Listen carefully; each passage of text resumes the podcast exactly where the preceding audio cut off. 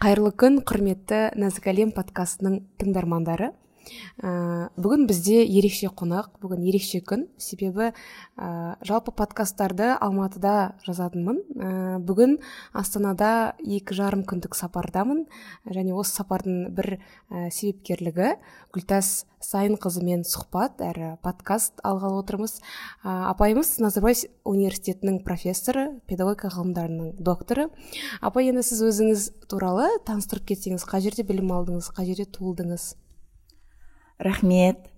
Көп көп қайырлы күн баршаңызға. Менің аты жөнім жаннұр айтып кеткендей гүлтас саянқызы тегім құрманбай. Мен ә, дәл қазір назарбаев университетінде профессормын. Қазақ әдебиетінен оның ішінде абай әлемі деген курстан сабақ беремін. Мен білім алған жерім алматы қаласы қазіргі әл фараби атындағы ұлттық қазақ ұлттық университеті. Ол кезде біз оқуға түскен кезде әрине ол киров атындағы мемлекеттік университет болатын. Сол университетке оқуға түсіп бес жыл оқып біздің бағымызға тамаша ұстаздарымыз болды. Біз атақты академик зейнолла қабдоловтан тұрсынбек кәкішевтен ырымғали нұрғалиевтен алма қыраубаевадан тағы да басқа ұлы ұстаздардан дәріс алдық. Қадыр мырзалиевтің өзі бізге сабақ берді.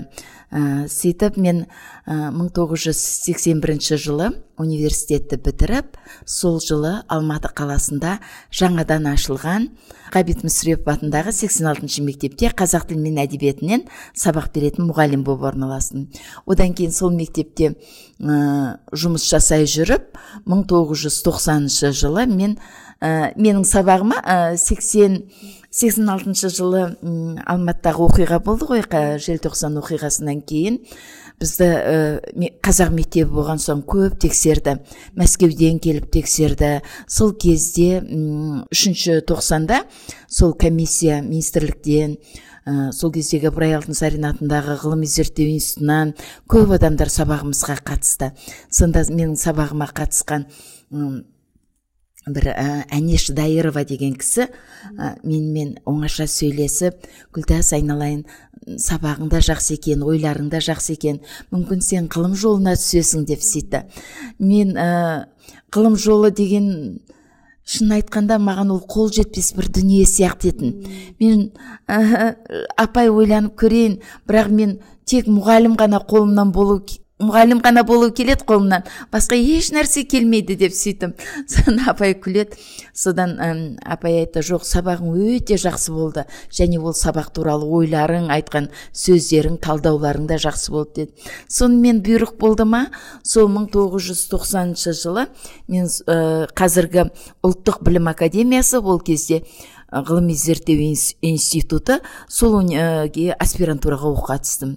Сол аспирантураға оқуға түстім әнеш дайырова менің ғылыми жетекшім болды. Сол сонда аспирантурадан кейін қызмет жасадым мынау.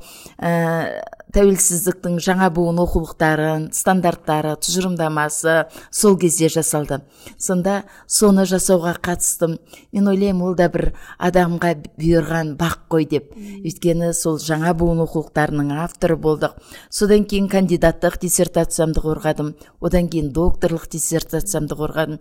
Мың тоғыз екі мың оныншы жылы алматыда астанада жаңа университет ашылды.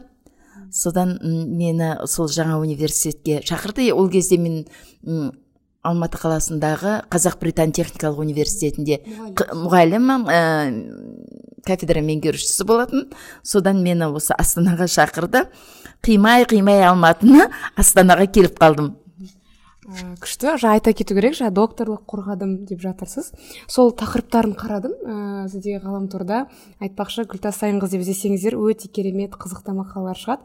Мысалға маған қызық болғаны мысалы тоқсан жетінші жылы қазақ әдебиетін оқытуда оқушылардың табиғатқа ізгілік қатынасын қалыптастыру негіздері деген тақырыптағы кандидаттық диссертация қорғаған екенсіз да?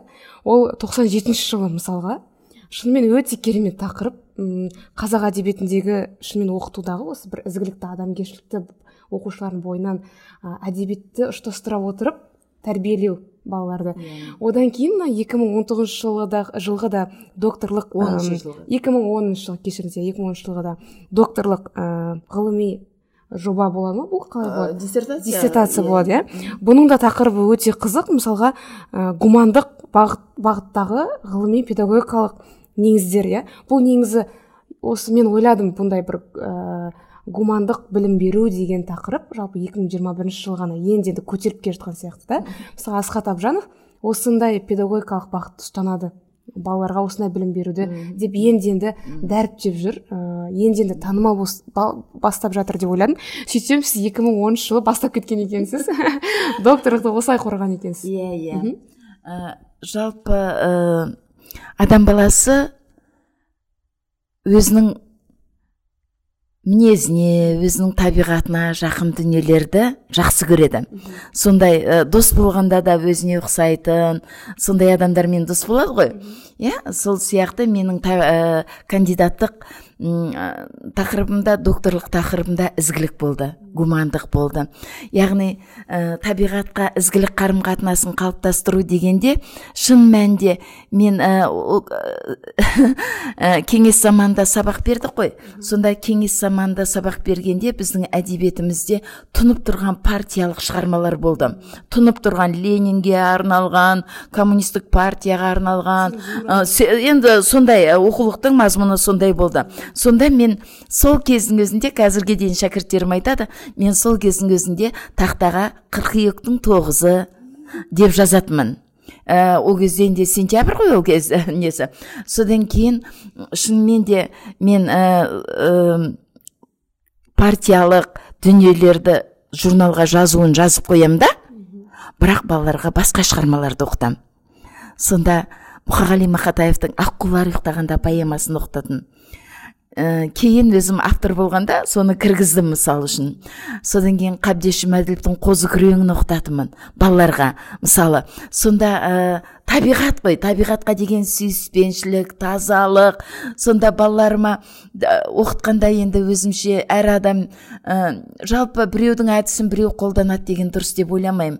Әр адам мұғалім өзі табиғатынан әдіс жасайды. Өз табиғатынан мен ана әдісті қолданам деген адам фальшқа өтірікке душар болады. Өйткені ол өзінің табиғатынан бөлек нені үйретеді? Мысалы үшін мен сондай ә, немен ильиннің әдісімен аманашвилидің әдісімен давыдовтың әдісімен үйретемін деп айтатындар көп еді сол кезде.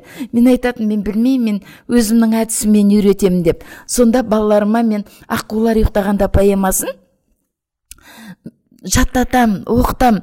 Бірақ ол да аз сияқты болып көрінеді да. Содан кейін оған инсценировка жазамын жаңағы басқа жанрға ауыстырамын. Рольдерге бөлем сөйтіп жаңағы ә, ананың рөлін жылқышының рөлін күйеуінің рөлін халықтың рөлін балалар тегіс жаттап алып орындап шығады. Яғни бұл баланың есінде өте керемет сақталады. Иә онда ол тек қана енді мәнерлеп жатқа ғана оқымайды ғой. Ол образға енеді. Ол ананың көз жасын көрсетеді. Ыңырсып жатқан баласына қараған ананың көзқарасын жетім қасына барғанда отбасы ошақ қасы көрмеппін ғой.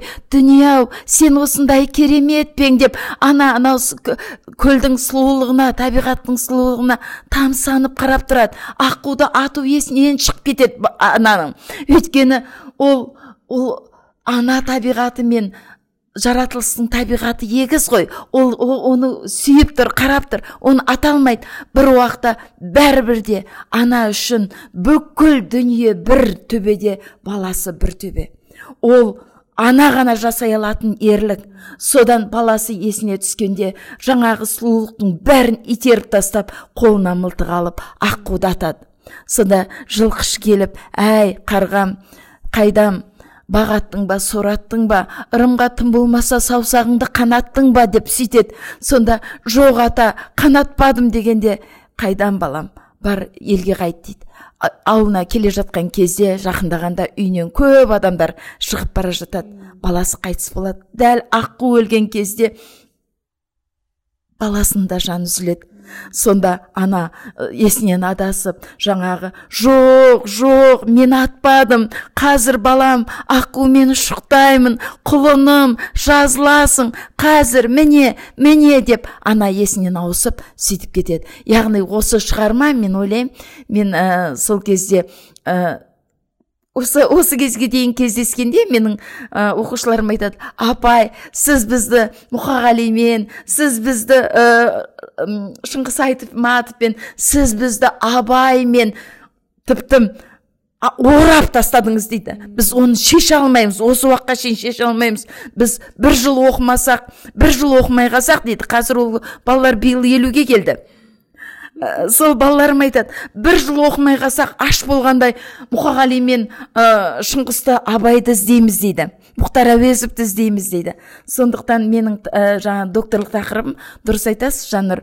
Ә, қазір көтеріліп жатыр эмоционалдық құндылық деген. Иә мынау қазір ә, балаға сол ә, мейіріммен. беру эмоцияны беру әдебиет деген нәрсе ол мынаның әрбір бетінде адамға көрінбейтін сансыз энергия бар. Әдебиеттің әрбір сөзінде әрбір үнінде жазушының азабы бар жазушының рахаты бар. Яғни бұл әдебиет деген басқа сабақтардан гөрі өте құдіретті болатын сондықтан көрдіңіз ба бұрынғы тұлғалардың бәрі мысалы үшін сол әуезовтер сол қаныш сәтбаевтар одан бергі бүкіл о тұлғалар мейлі олар физик болсын олар медик болсын басқа болсын олар сол әдебиеттен нәр алған әдебиетті оқыған. Сондай ә, тұлғалар шын мәнде интеллигент те болады шын мәнінде ұлтжанды да бола алады сондықтан бұрынғы аға буындардың ерекше болатыны сондықтан.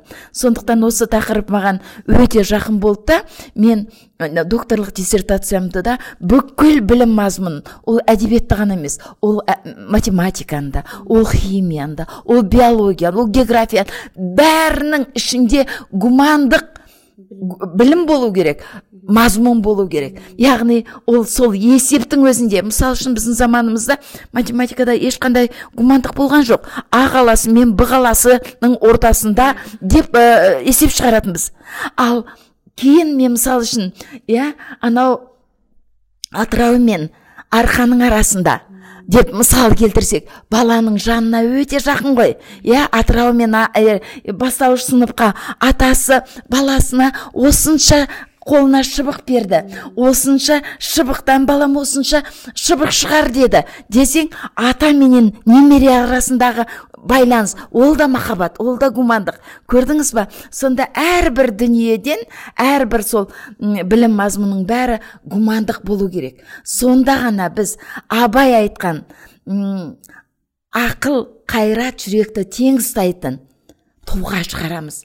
Мектеп жеке жеке әрқайсысы жан жаққа тартқанда мынау кішкентай ғана құйтақандай ғана бала жоғалып кетеді қайсысына барады. Ал олардың мақсаты ол білімнің мақсаты бір болса ол білімнің мақсаты осы балаларды ә, тұлға етіп тәрбиелеу қолынан іс келетін етіп тәрбиелеу сөйлей алатын етіп тәрбиелеу өзін қорғай алатын мейірімді етіп тәрбиелеуді барлық пән жүзеге асыратын болса ол бала жоғалып кетпейді. Ол өсіп өсіп өсіп үлкен тұлғаға айналады.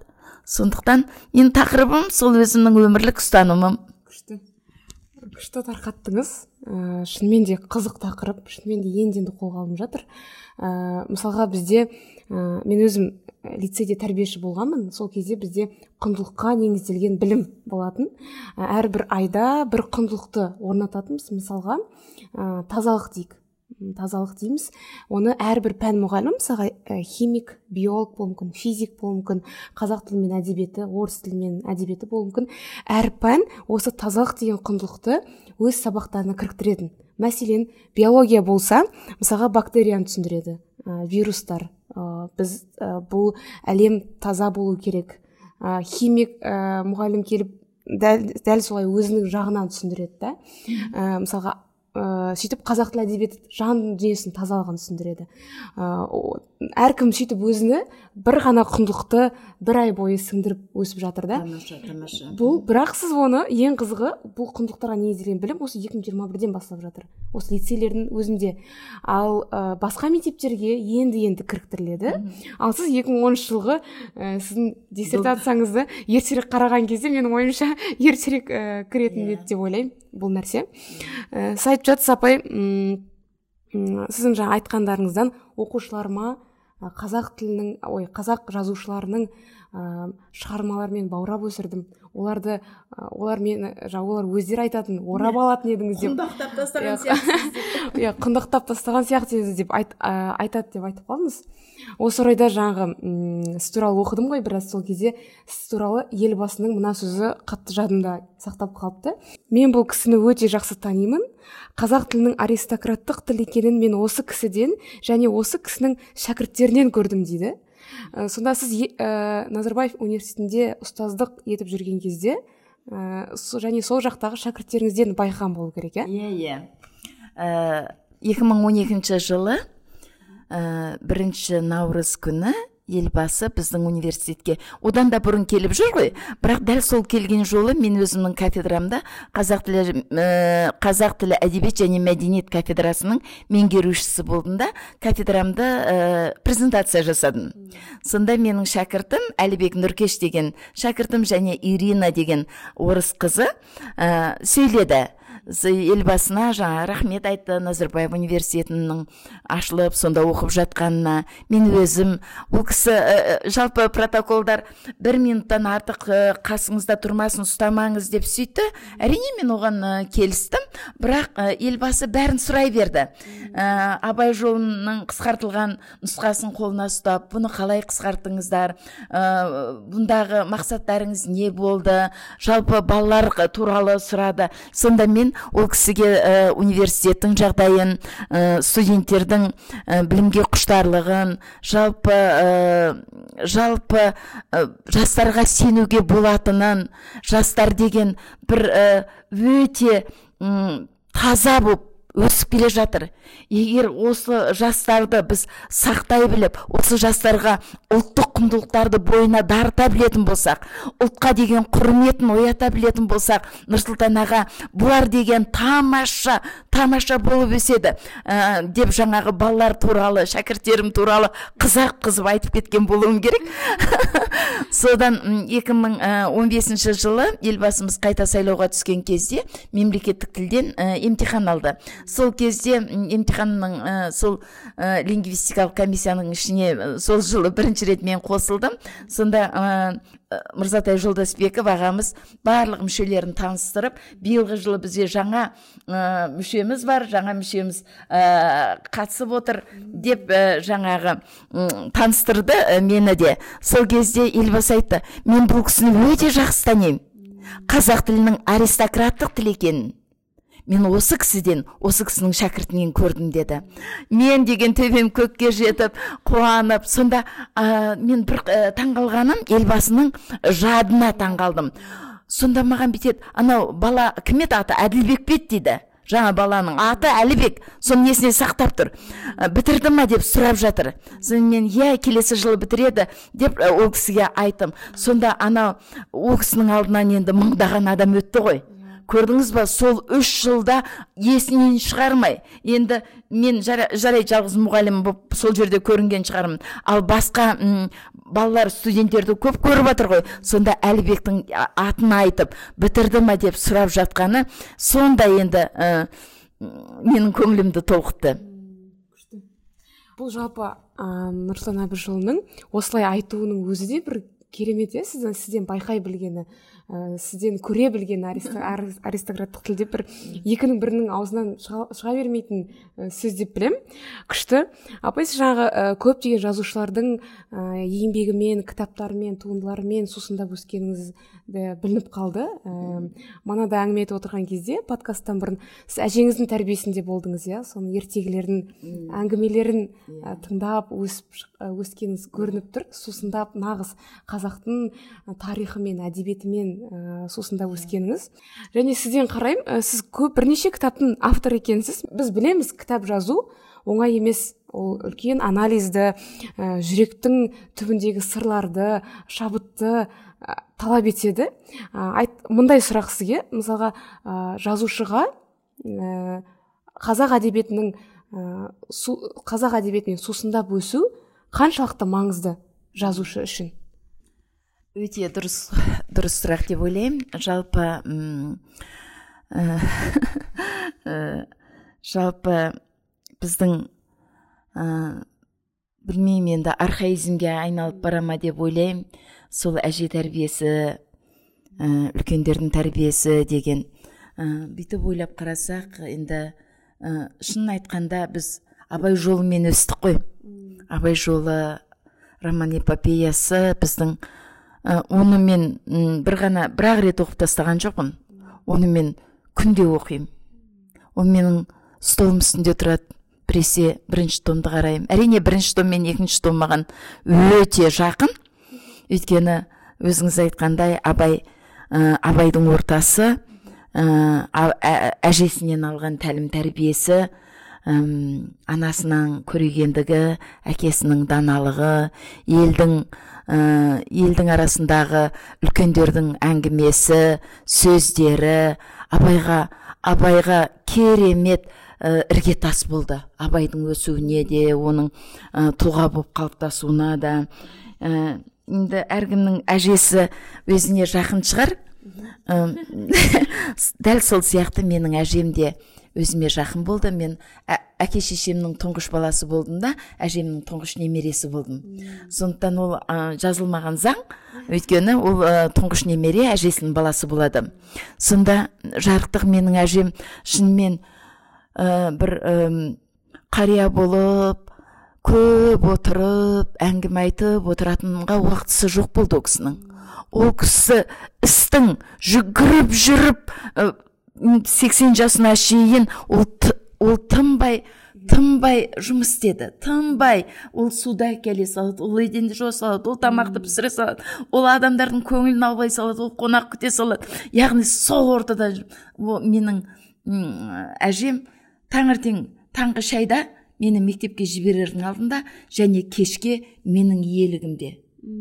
Таңертең ә, ол ұйықтады ма ұйықтамады ма оны мен білмеймін. Ол біз ұйықтағанда ояу отырады әжеміз. Сонда ә, үйде от жағады ә, соны анау пештің үстіне ағаштарды бүйтіп қойып қойып қояды да сол ағаштардың үстіне біздің аяқ киімдерімізді жайып қояды. Ұлтарағын алып бөлек жайып қояды етігімізді алып бөлек жайып қояды сүртіп тазалау оның бәрін мен енді соның бәрін өзім істедім деп мүлдем айта алмаймын. Өйткені аяқ киім сүрткен есімде жоқ. Өйткені ол менің әжем бар. Ә, менің әжем ол бәрін өзі істейді. Менің анам бар ол істейді. Ол олардың ол меншікті жұмыстары өздерінің. Сен неге істемейсің деп олар айтпайды маған. Содан ә, жатар кезде ә, жатар кезде кітап оқимыз. Маған кітап оқытады. Содан кейін мен оқып отырған кезде ә, абай жолын сол кезде оқимын әжеме. Сонда жылап отырады. Ей әй деп. Неменеге жылап отырсың деп сұраймын. Мен сөйтсем анау абайды неғып отырмын байғұс әйелдері. Ойлап отырмын дейді. Сонша әйел алған бір бақ емес сор ғой дейді. Енді заман солай болды ғой. Заман солай болды ғой әйтпесе алар ма еді алмас па еді. Құнанбай төрт әйел алды дейсің ба? Ой байғұстар ай деп жаңағы сөйтеді. Сонда мен ә, таң сонда менің әжем ә, өзі 30 жасында күйеуі 34 жасында қайтыс болады да содан ә, әмеңгерлікпен соғыстан келген қайнысына қосады менің әжемді. Ә, сол ә, менің әкем жаңағы екі ағайынды кейінгі ә, атамыздан үш бала болады. Сонда апам өмір бойы өзінің сол ә, бірінші жаңағы қосқан қосағын есіне алып отырады менің атамды. Рахымбайым тірі болса мен қандай болар едім?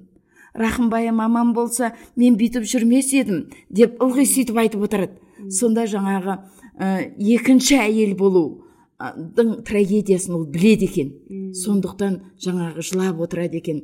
Содан кейін сол өзі көп бір бір әңгімені мақал мәтелсіз айтпайтын.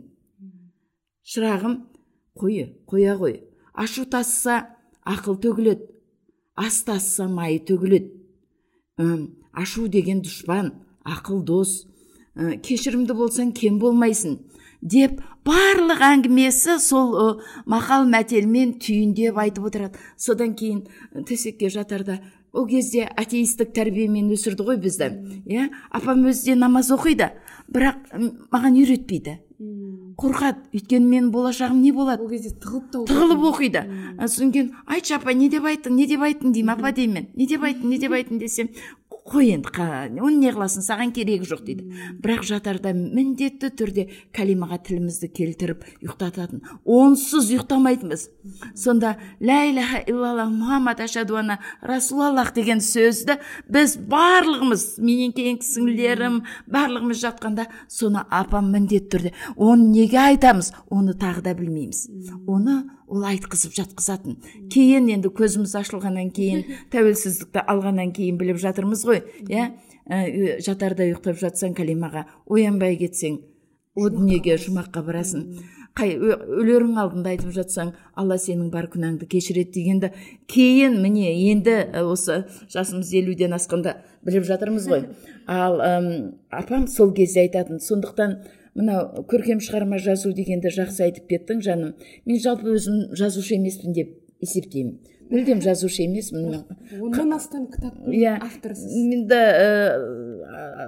бар енді повестерім де бар әңгімелерім де бар эсселерім де бар кітаптарым бар. Бірақ неге екенін мен бір сол жазушы болайын осы көркем сөзбен осы ә, көптің бір ә, көңілінен шығайын деп жазған жоқпын ешбір кітабымда сондықтан да болар. Мен ә, апамды қатты әжемді қатты сағындым. Қатты сағынғанда ә, кітабымды да солай бастаймын. Егер мен қуанып отырып жазатын болсам апа мен сенің мүлдем басқа қырыңнан жазар едім. Мен сені қатты сағынып отырып жазып отырмын апа деп сөйтіп жазам да сол апамның ә, бүкіл өмірін ә, адамдармен қарым қатынасын балаларын өсіргендегі жаңағы бойындағы қасиетін ә, тектілігін апамның соны ә, жазғым келді. Ол ә, ғажап адам болды. Ол әйел баласына тән нәрсені жасамайтын бір қызығы. Енді әйел баласы болғаннан кейін дастарханнан енді тойға асқа барғанда бір нәрсені салып алады ғой енді. Ол ол ешқандай кінә емес енді.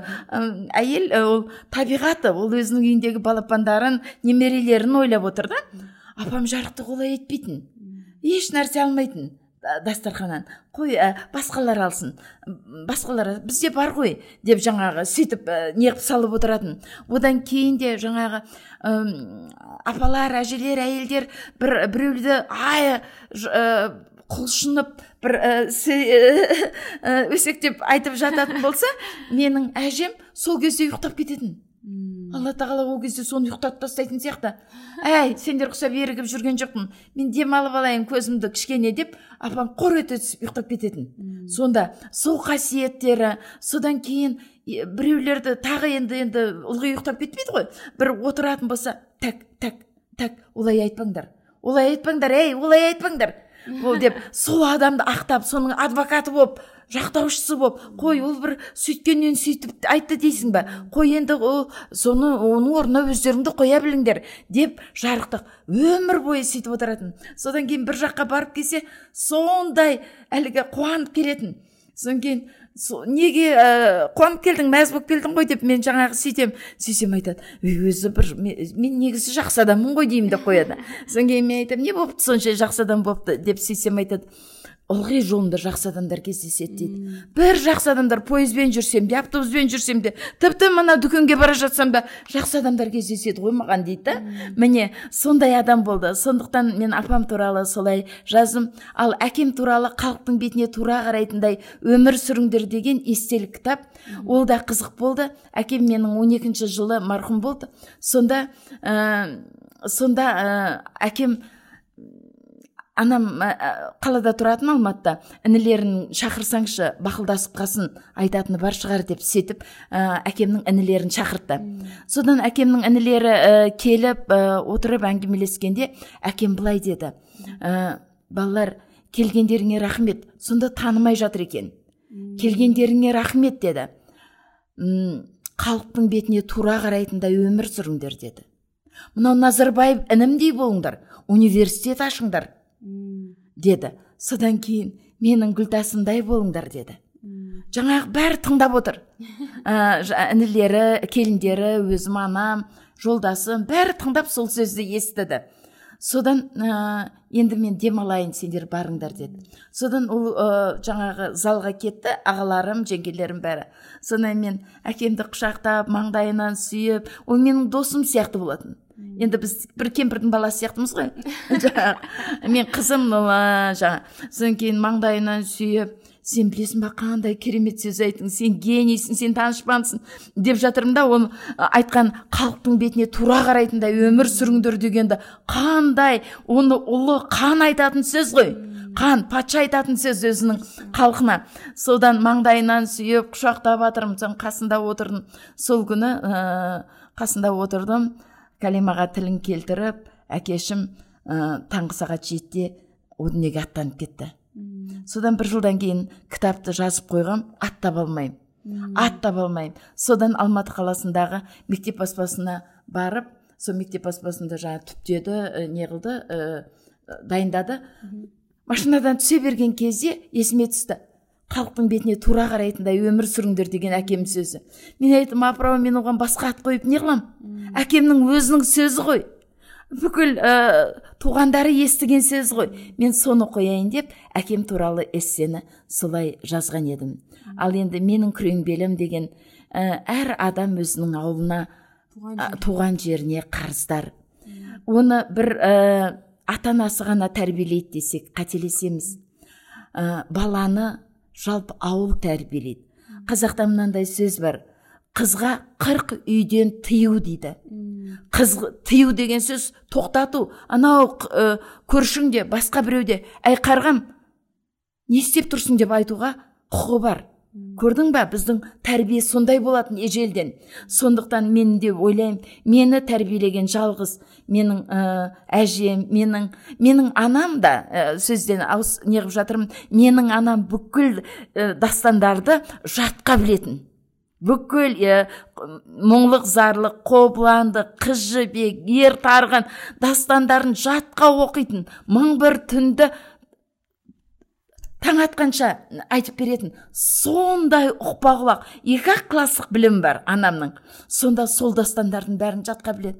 Өзі де жылап отырады мұңлық зарлықты айтқанда. Біз де жылап жатамыз көрпені жамылып алып.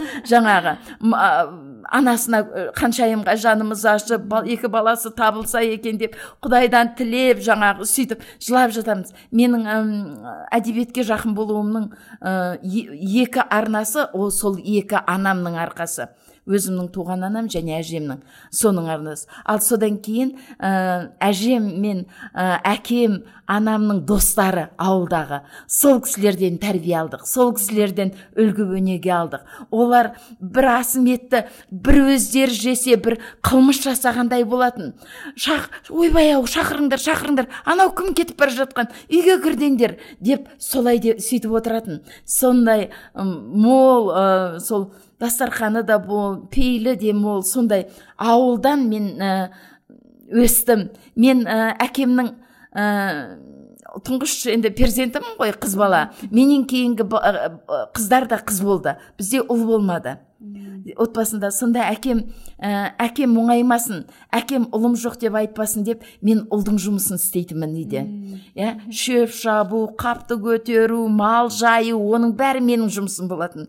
Сонда әкем бір жаққа кетіп бара жатса анам айтатын ей қайда барасың? Малға кім қарайды? десе гүлтас бар ғой дейді. А мен студент кезде сол казгуде оқып жүріп ауылға каникулға барған кезімде мен әкемнің анамның бүкіл жұмысын істеп беретінмін.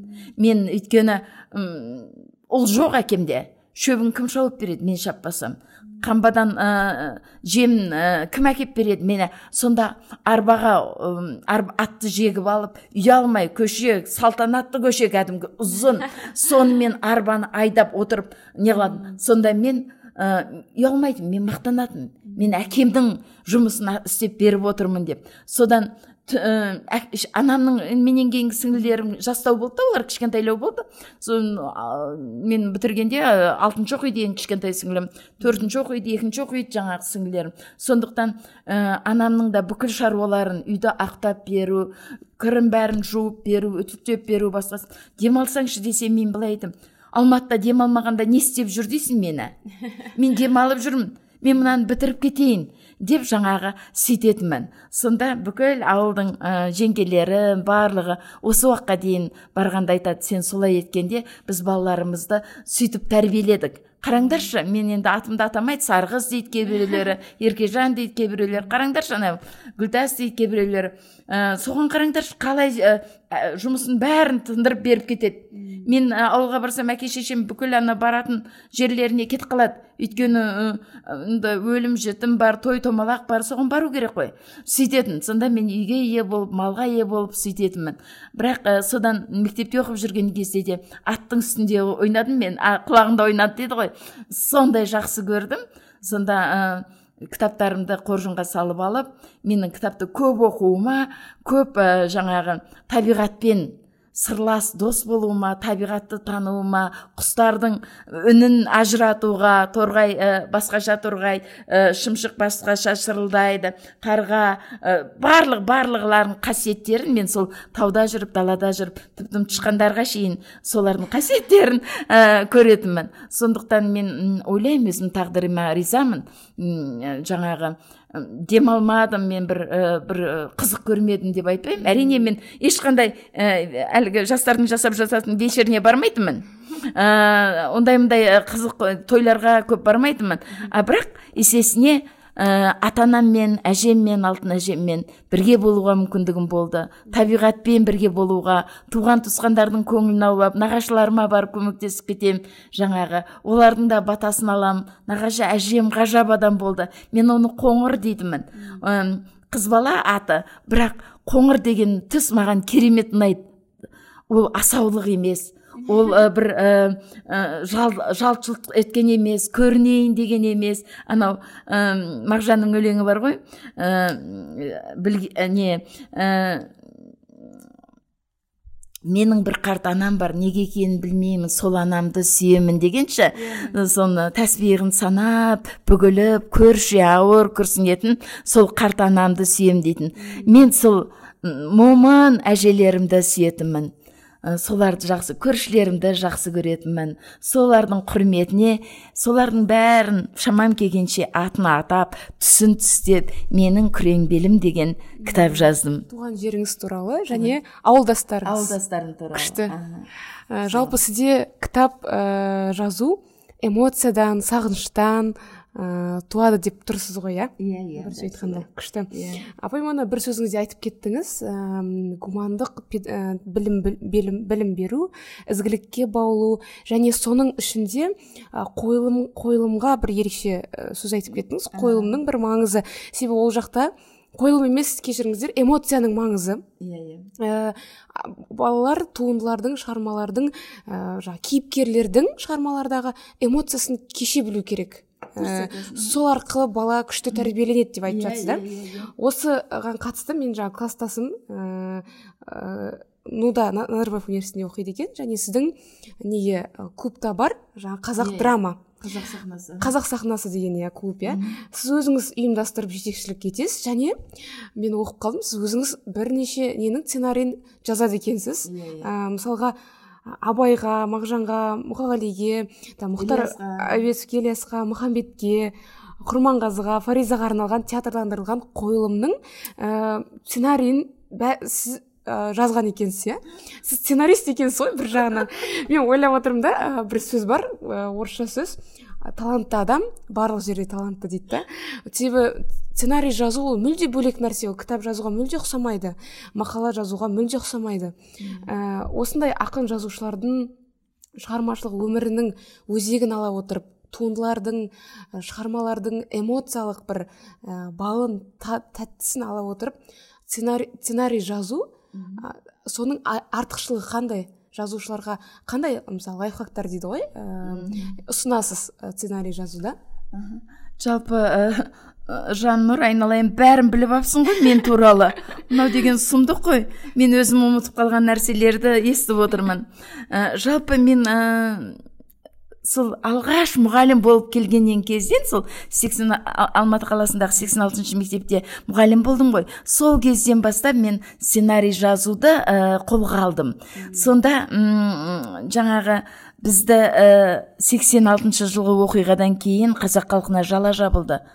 Ұлтшыл деген жала жабылды. Бұлар сондай енді әлгі желтоқсан оқиғасынан кейін. Содан ә, мәскеуден бізге ә, министрліктерінен комиссия келді. Сол кезде мен одан бұрын өткізіп жүрген мен шыңғыс айтматовтың ана жер анасын сценарийін жазып ана жер ананы қойғам. Неде? Бүкіл алматында бір ә, үлкен неде ә, зал болды мынау шаляпинамен қазіргі ә, правда бұрынғы правда көшесінің несінде сол сонда ана жер ананы қойдық. Жыламаған адам қалған жоқ. Сонда ешқандай сценарий жоқ. Мен оны ә, кімнің құс жолы повесінен шыңғыс айтматовтың өзім жазып сол ә, дүниені шығардық. Ә, одан кейін мен фариза оңғарсынаның ә, қасірет пен ерлік деген өлеңдер циклынан мен ә, композициялық драмалық сценарий жаздым. Сонда қасірет пен ерлік жас келіншек үйлене салғанда жігіт жаңағы соғыс басталады да жігіт соғысқа кетеді жас келіншек қалады. Жас келіншек қалады ә, енді ауыл ғой бәрі соғысқа аттандырады бәрі өлеңмен келеді жаңағы. Ол ә, өлеңнің әр жер әр жерінен алам оны бір жерден оны ә, фариза апай жасап берген жоқ қой. Соны әр жер әр жерінен алап жаңағы композиция құрылым ғой енді композиция деген құрылымын жасаймыз сюжетін қосып. Сонда жаңағы не керек жаңағы ә, соғыстан ә, түнде ә, біреу алып келеді тоңға ораған жаңағы екі аяғы жоқ жаңағы екі аяғы жоқ бір бөрене сияқты адамда. Сонда анау келіншек жылайды жаңағы ә, керемет әлгі сонда жұбатып айтады қой қарағым жылама өйстіп келсе менің арманым жоқ еді дегенде керек пе еді айтып жұбату үгіт деген қалай өмір сүремін тұлыппенен жақсы екен ғой ә, оның өр тұлғасын еске алып күту деген деп жаңағы келіншек жылайды да бірақ тағдырға көнбейтін адам бар ма? Содан ең соңында мен жаңағы сахналық көрініс қой енді өзім ойдан не қылған коляскасы жаңа баласы өсіп қалады төрт бес жас ә, анау коляскеге отырып ана ә, жаңағы келіншегі аппақ әдемі орамал керемет бақытты ә, күйеуі де бағанағы немен келген түрі емес аппақ киім киген тірі буал жанған күйеуі де бақытты отбасы екі аяғы жоқ болса да баласын ертіп сахнаға шығады сонда фаризаның ана деген өлеңі бар құдірет анаға бас соны жаңа бір оқушы оқиды жаңағы. Және фаризаның өзін ақын қылып анау шашын ә, бормен қызың ағартып қойып фариза бурыл қылып сөйтіп ойнатқанбыз. Сол кезден бастап мен а содан кейін әбділда тәжібаевтың толағайын.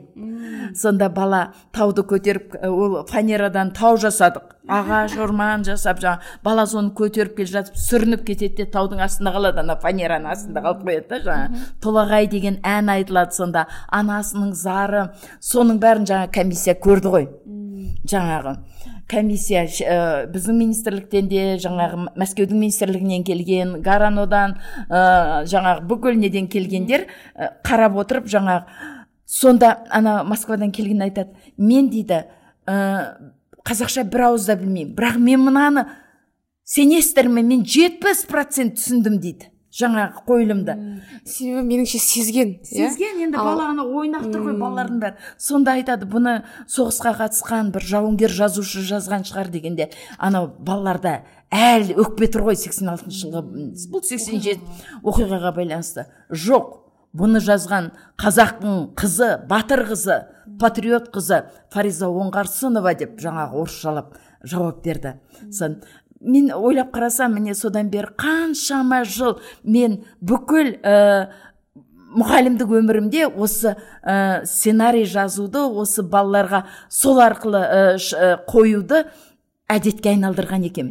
Мен мектепте де өзгермеппін мен университетте казгуде істедім онда да осыны жасадым қбту-да істедім онда да осы жұмысты назарбаев университетіне келдім мұнда да. Өйткені бала оқыған дүниесінің бәрі шынын айтқанда ұмытылады. Ол естелік болып аз аз қалады. Естіген бала ұмытады. Ал өзі жаттап өзі қойып өзі эмоциямен сезініп бойынан өткізген интерпретациялаған дүние ол еш уақытта ұмытылмайды. Ол оған мәңгілік естелік болып қалады. Сондықтан мен осы назарбаев университетінде де енді білмеймін енді мүмкін жиырмадан асады мүмкін отыздан асады сондай қойылымдарды қойдым. Ол балалардың есінде қалды. Көрермен келген бүкіл зиялы қауымды шақырамыз астананың депутаттарын шақырамыз бүкіл бүкіл жазушы журналистерді шақырамыз. Барлықтары да жылап отырады. Өйткені ана балалардың соншама шынайы ойнағаны ол енді ерекше ерекше. Күшті мен жаңа класстасым дархан есімді. Осы клубта бар екен да сосын айтады бізге гүлтас апай тек сценарийді ғана жазып бермейді. Ол кісі ә, бізге қалай ойнау керек екен дикциясын да үйретіп береді дейді да.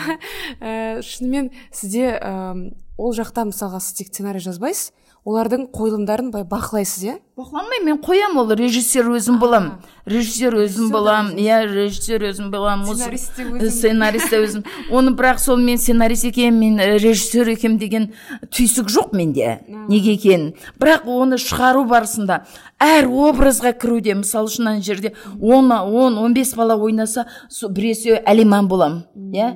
Біресе анау шыңғыс айтматовта біресе жәмила боламын біресе ілияс боламын біресе махамбет боламын күркіреп біресе фариза біресе әбіш кекілбай боламын яғни соның бәрін соның бәрін өйткені мен көрдім тірілерін көрдім. Тірілерін көрмегенін мен сезіндім бойымнан өткіздім ғой. Енді сол бойымнан өткізген дүниені мына сәби сәби емес қой енді студент бойынан өткізген жоқ қой. Ол оны танымайды. Ол оны танымағаннан кейін ол шығара алмайды. Мен сонда ә, бірінші айтам оқыңдар балалар. Егер сендер ілиястың құлагерін оқымасаңдар ілиястың құлагер поэмасын оқымасаңдар мүлде мынау қойылымды шығара алмаймыз. Шығара алмаймыз. Сендер ә, шыңғыс айтматовтың жәмиласын жаңағы ақ кемесін барлығын оқыңдар. Әйтпесе шықпайды балаларым. Оқып жылайтын жерінде қай жеріңде жыладың қай жерінде қарқылдап күлдің соның бәрін маған ертең айтады айтып беретін бол деймін. Содан кейін олар келеді апай шынымды айтсам оқымадым дейді. Оған мен шынымен өкпелеп қаламын өкпелеуге болмайды оның уақытысы болмаған шығар. Бірақ ә, менің сөйткенімді сезе қояды да балаларым. Ә, мені ренжітпеуге тырысады да ол міндетті түрде. Оқиды содан кейін айтады апай оқытқаныңыз қандай жақсы болды қандай жақсы болды деп сөйтіп ә, сол мен айтам дыбыста да қазақтың сөзі деген құдіретті алтыным.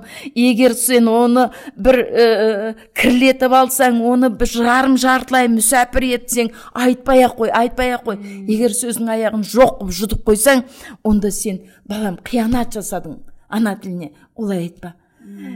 Сөз анық шықсын жаныңнан шықсын. Көзің сөзің өзің бір әлемде бол. А, болмаса болмайды деймін.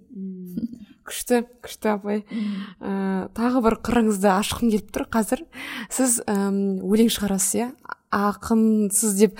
Айтпа айтпа жарайды. Себебі мен мындай нәрсе оқыдым. Домалақ анамызға арналған нұр дидарлы нұрила деген әдемі ән шыққан екен. Оның сөзін сіз жазыпсыз. Yeah. дұрыс қой. Демек демек сіз өлең шығара аласыз. Дұрыс қой. Енді балам ол былай ғой. Нұр дидарлы нұрила батыр бауыржан деген екі әнім бар тағы бір әнім бар махаббат туралы. Өлеңін мен жаздым музыкасын гүлнұр гүлнұр омар өмір өмірбаева өзі музыкант сондай тамаша композитор соғыз жазды. Онда бұл қызық болды. Домалақ ана менің анам әрине. Бірақ осыған тапсырыс берген қазақтың қайраткер қызы шәмшә беркінбаева болды. Гүлтас мен бір домалақ ана туралы бір айтып отырмын әңгіме айтып отыр едім. Сен ұрпақсың ғой иә. Сен неге бір өлең жазбайсың? Гүлнұр сен неге ән шығармайсың? Деді. Содан ә, түннің ішінде ұйықтап қалған бір бір жарымда гүлнұр звондайды маған содан әпке әпке тұрыңызшы тез қолыңызға қалам алыңыз дейді да. Ә, содан музыкасын жіберді маған. Музыкасын өзі де ла деп айтып тұр жаңағы. Мен бұрын тәжірибем жоқ жаңағы. Болды әпке осыған сөз жазыңыз дейді да. содан мен айттым мен енді қалай жазамын деп жаңағы сөйтсем енді білмеймін әпке таң, таңертең мен сізден сағат тоғызда өлең күтемін деді да. Сөйтіп сағат түнгі бір жарым. бір жарым. Содан алып отырдым. Содан жаңағы қайта қайта естимін домалаған кітабын қолыма алып алдым. Содан жаңағы білмеймін әйтеуір бір нәрсе толқыныс келді да. Содан кейін өлең шығып кетті. Содан батыр бауыржан да солай болды. Онда да мен енді батыр бауыржанның жерлесімін. Жамбыл облысы жуалы ауданы. Сол бауыржан момышұлы ауылына жақын жерден. Менің атам ә, марқұм репрессияның құрбаны рахымбай құрманбайұлы деген кісі. Ә, сол ә, екеуі түйдей құрдас болып та менің атам бір жас үлкен екен бауыржан момышұлыдан екеуі араласы бірге қызмет жасаған екен. Ә, енді мен атамды көрген жоқпын бірақ әжем айтатын. Ә, сол бауыржанның ә, араласқан жолдасы болды деп. Сондықтан ол да парыз. Парыз үшін адам не істемейді. Күшті. Мен осы ә, бауыржан атамыз туралы өлеңді ә, сол жақта туған жерінде бауыржан атамыздың 90 жылдығына орай жазылған деп оқыдым. Иә, дұрыс иә иә? иә иә иә күшті күшті. Енді мындай сұрақ апай қазір қоғамдағы ә, қазақ тілінің осы әлеуетін қалай көтереміз деген ә, бір өзекті мәселені қозғасақ қалай қарайсыз? Дұрыс жаным. Қазақ тілі дегеніміз ол қазақтан бөліп алып тастай алмайтын қазақ деген бір форма болатын болса соның ішкі мазмұнын бәрін толықтырып тұрған толықтырып тұрған дүние және соның соғып тұрған жүрегі. Егер ұлылар сөйтіп айтты бүйтіп айтты дейміз. Ол аксиома. Қазақ тіл жоғалса ол ұлт та жоғалады тіл жоғалса. Оны айта айта бергенмен ә, кейбір адамдардың құлағы біртүрлі әбден естіп үйреніп кеткендіктен иә, иә. соған көп мән бермейді. Мән бермейді. Ал мен бүйтіп айтар едім. Қазақ тілі сенің анаң. Анаң. Сен ол ә, жаман ауырып жатыр. Ауырып жатыр анаң. Иә ыстығы көтеріліп жатыр аузына су тамызатын да ешкім жоқ қасында. Ә, сонда сен қарамай қасынан өте шықтың. Қасынан өте шықтың. Анаң балам деді. Сен естімедің сонда қазақ тілінің жағдайы дәл солай балам сен өзге тілде сайрап сөйлеп өзге тілде бүкіл бүкіл бүкіл барлығын айтып өзге тілде өмір сүріп жатқанда саған жәудіреп қазақ тілі деген анаң қарап тұр. Соған қарамай кеткенің адамшылық па?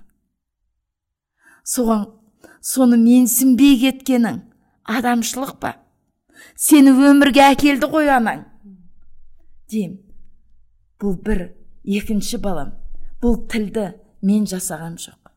Сенің әке шешең де жасаған жоқ оның әке шешесі де ол ежелден келе жатқан бір ғажап ғажап сиқырлы құмыра иә? Өте нәзік. Бірақ қанша соғыс болса да қанша қырғын азап болса да соны өбектеген ата бабаларымыз бірінен біріне бірінен біріне өткізіп отырды. Ол сынып қалу керек еді бала аяғы да. Анау орыстар шоқындырып жатқанда ол өліп қалу керек еді. Иә? Анау кеңес заманы бір тілмен сөйлеңдер деп жатқанда өліп қалу керек еді. Жоқ сонда да сақтады ана байғұстар. Сақтап сақтап сақтап сақтап. Бүгінгі күнге жеткізді. Енді соны аманатты аманатқа қиянат жасамау деген дүние менің сенің басыңда тұрса соған қиянат жасайтын сен бе сен соны сындырасың ба? Сен енді соны өзің ұрпағыңа бермейсің ба? Сен кім болдың сонда? Кім болдың балам ау кім болдың? Деймін. Мен жалпы тілдерді білу деген ол құдірет ол құрмет жаным. Күллі тілді біл иә жетпіс тілді біл фараби бабаңша. Абай бабаңша алты жеті сегіз тілді біл қаныштай мұхтардай барлық тілді біл иә бірақ солардың бәрін әдемі етіп тұрған солды сол басқа тілде білгендіктері емес. Ана тілін білгендіктері ана тілінде жазып кеткендіктері айтып кеткендіктері мұхтарды мұхтар қылып тұр. Абайды абай қылып тұр махамбетті махамбет қылып тұр. А олар қанша тілді білді? Сондықтан әлихан бөкейхан тоғыз тілді білді. Иә? Алаштың көсемі болды. Ахмет сегіз тоғыз тілді білді. Тіпті мынау испан тілін барлық тілді білді ол. Гугл жоқ үйрететін репетитор жоқ. Иә? Интернеттерің жоқ сендердің. Бірақ соның бәрін үйренді. Көрдің ба қандай керемет? Сондықтан алтындарым алтындарым білмеймін. Қазақ тілі деген мен шәкірттеріме айтамын мен міне қолымнан бердім саған. Бердім. Менің арым таза. Мен сақтадым. Мен сүйдім. Мен ол үшін өлдесе өлетін. Иә? Мен оны бүкіл сана сезіміммен бүкіл әлеміммен жақсы көрдім. Ғажап жақсы көрдім. Сол тілде сөйлегеніме сол халықтың перзенті болғаныма мақтандым. Ал енді саған аманат деймін. Сонда ойлы жас ойланады. Мен айтам да ә, осыдан бес алты жыл бұрын біз қытай еліне бардық. 200 студентімізді назарбаев университетіне алып бардық. Сонда қытайдың төрағасы синзипин өзі қабылдады. Сонда ә, синзипин өзі қабылдағанда аудармашы аударып тұрды ғой енді бізге. Сонда айтады мүмкін балалар біз бес алты жылдардан кейін сендермен бір тілде сөйлейтін шығармыз деді. Ол бір, бір тілде ағылшын тілін айтып тұрған жоқ. Ол бір тілде қытай тілін айтып отыр. Қараңдаршы. Бір тілде. Сонда мен балаларыма айтайын. Өзім ұрпақтарыма да айтамын ә, шәкірттеріме де айтамын жандарым мен аналық өтінішім ұстаздық өтінішім сендерден. Әлем менің қазақ тілімде сөйлеп кетсін деп айта алмаймын. Бірақ бар қазақ қазақ тілінде сөйлеп кетіңдерші. Сонда бізді ешкім де сындыра алмайды. Қазақ деген тіл ол рух қазақ мінез ол. Ол біздің генетикалық бойымыздағы күш қуат. Анау ұм, әкесі әлібектің ә, жаңағы баласына шыбықтарды сындырып сындырып бір шыбық бергенде сындырып тастайды екі шыбық берсе соны топтап жаңағы бергенде сындыр дегенде сындыра алмайды ғой. Осы үлкен мағына. Үлкен мағына. Біз бір болсақ біз бір тілде сөйлесек бізді ешкім де сындыра алмайды ешкім де құлата алмайды. Біздің құдайға шүкір байлығымыз жетеді. Иә? Біздің өреміз өреміз. Деңгейіміз интеллектуалдық өреміз. Ешбір халықтан кем емес. Біз өте талантты халықпыз. Біздің жастар өте талантты. Иә? Бұлармен барлық дүниені жасап алуға болады. Әттең. Енді кішкентай ғана нәрсе жетпей тұр. Ол ұлттық намыс ұлттық рух және ана тіліміз. Сол болса бәрін де жеңеміз жаннұр. күшті. Иә мен сенемін. Ә, жаңа айтқан кезде қазақ тілінде ой қытай тілінде бір тілде бәрің сөйлейсіңдер деген кезде жүрегім қатты ауырып кетті ше. Ә, иә қазақ тілінің абыройы биік болсын әркез. Ә, бұйыртса алла қаласа. Енді апай ә, біздің осы жастардан көп үміт ететініңіз көп үміт артатыныңыз жастардан көрініп ақ тұр. Алла қаласа шәкірттеріңіз де ә, сіздің оқырмандарыңыз да сол үмітті ақтасын деп ойлаймын солай үміттенемін. Ал біздің осы жастардан қазақ тілін трендке айналдыру үшін не күтіледі деп ойлайсыз? Ә, жастардан ә, мен ә, мынандай нәрсеге жаным бір қарсымын. Ә, мысалы үшін ниеті бар жақсы көреді қазақ тілін. Бірақ кішкентайынан орысша сөйлеп әбден дағдыланып кеткен. Сол балалар сөйлеуге қысылып тұрады. Иә иә. Қысылып тұрады ұялып тұрады. Біреу сөйлеп тастайды мүмкін сөйлеп те тастаған шығар. Иә шала қазақсың өйтсең сол дүниеге мен қарсымын. Иә мейлі олар шала сөйлесе де ә, жаңағы ойын жеткізе алмай жатса да тырысып жатыр ғой. Олардың сол шала сөйлегенімен сөйлей берсін. Еш нәрсе қылмайды.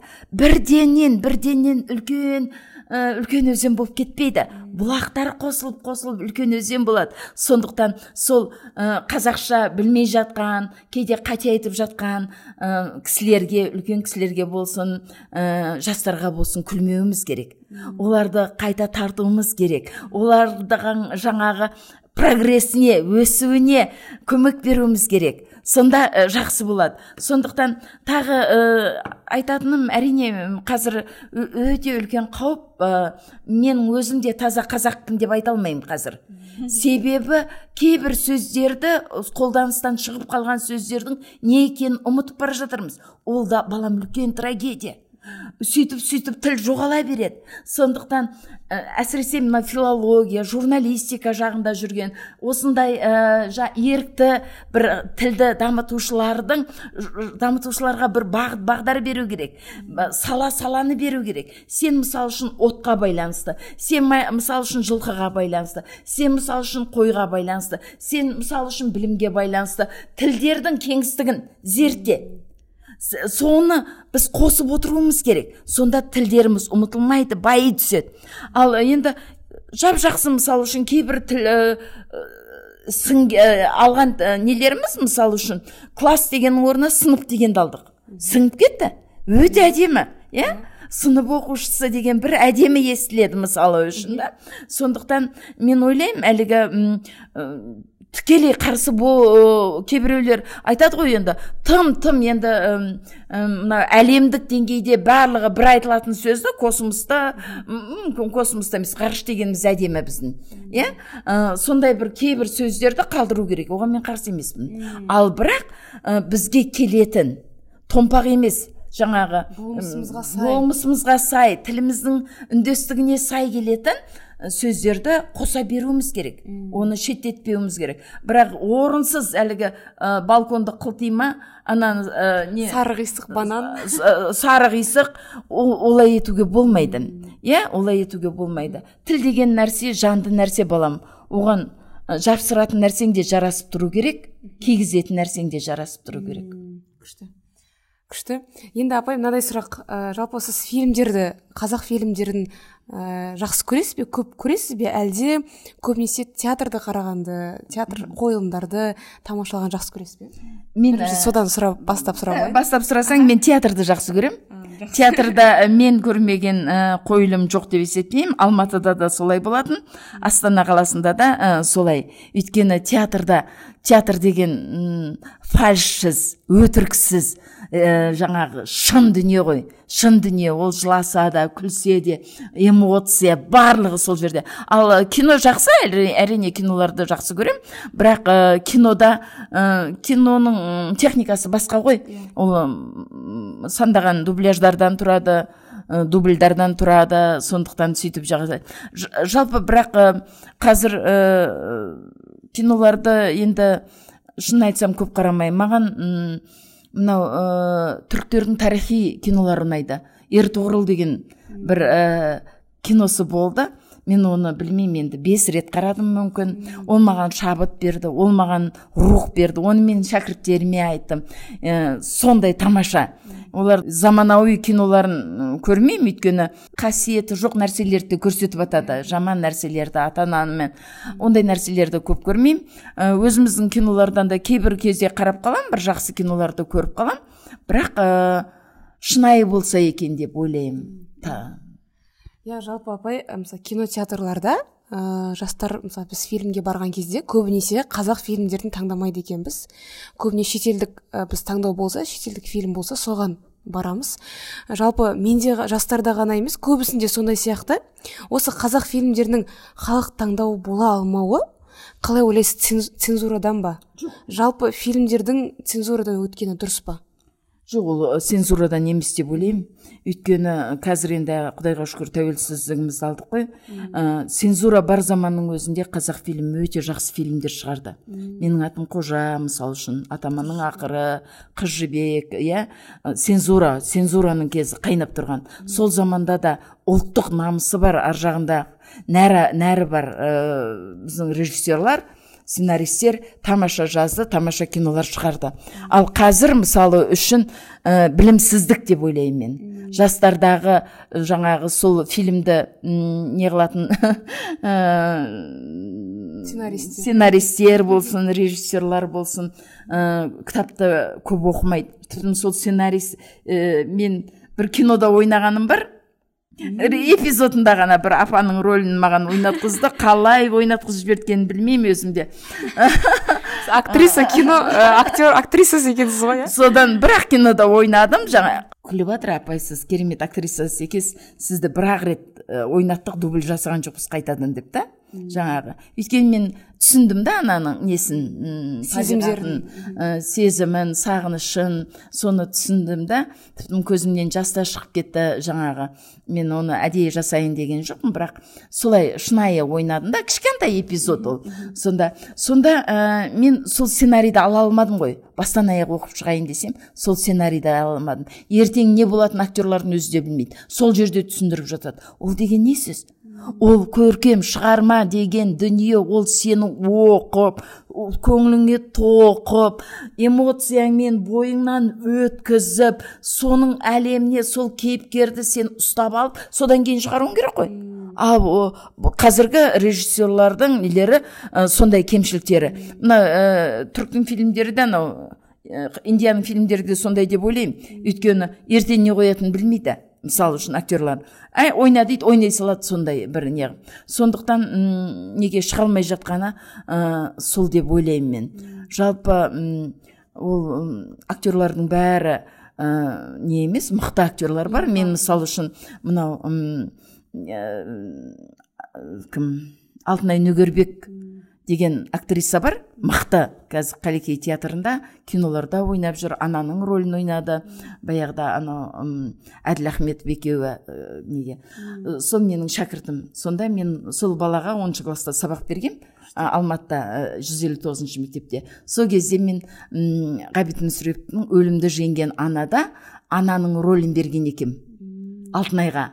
Соны керемет ойнап шыққан алтынай. Содан кейін алтынай айтады апай мен оқуға түскенде де соны пайдаландым не оқып жүргенде де маған ол дайын болды дейді да. Содан соны не қылдым дейді. А, ананың рөлін. Сол өмір бойы міне ананың рөлімен ол қазір мемлекеттік сыйлықты алды. Мысалы үшін көрдіңіз ба сондықтан актерлар мықты актерлар бар бізде. Мықты керемет актерлар. Ойнай алады. Бірақ шіркін ай сол бір бір дайындық содан кейін терең толғаныс терең тарихи шығармаларды шығару деген ғажап болар еді ғой. Жаным ау біз деген тұнып тұрған тарихтың ішіндеміз ғой. Иә оны шығаруға әйтеуір білмеймін. Құныққан ақша сұрайды не қылады.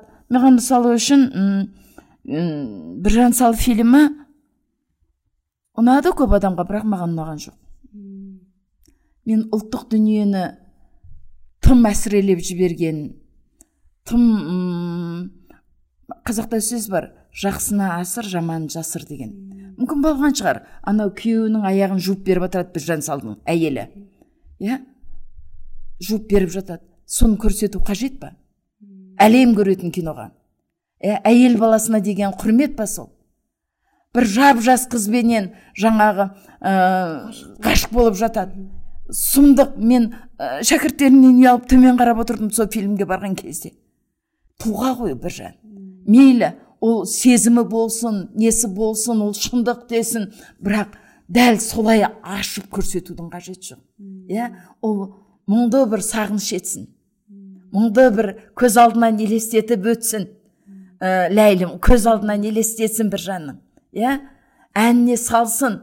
Сонысымен ақ керемет болып кететін еді ғой. Құнанбай да дәл солай болды. Иә.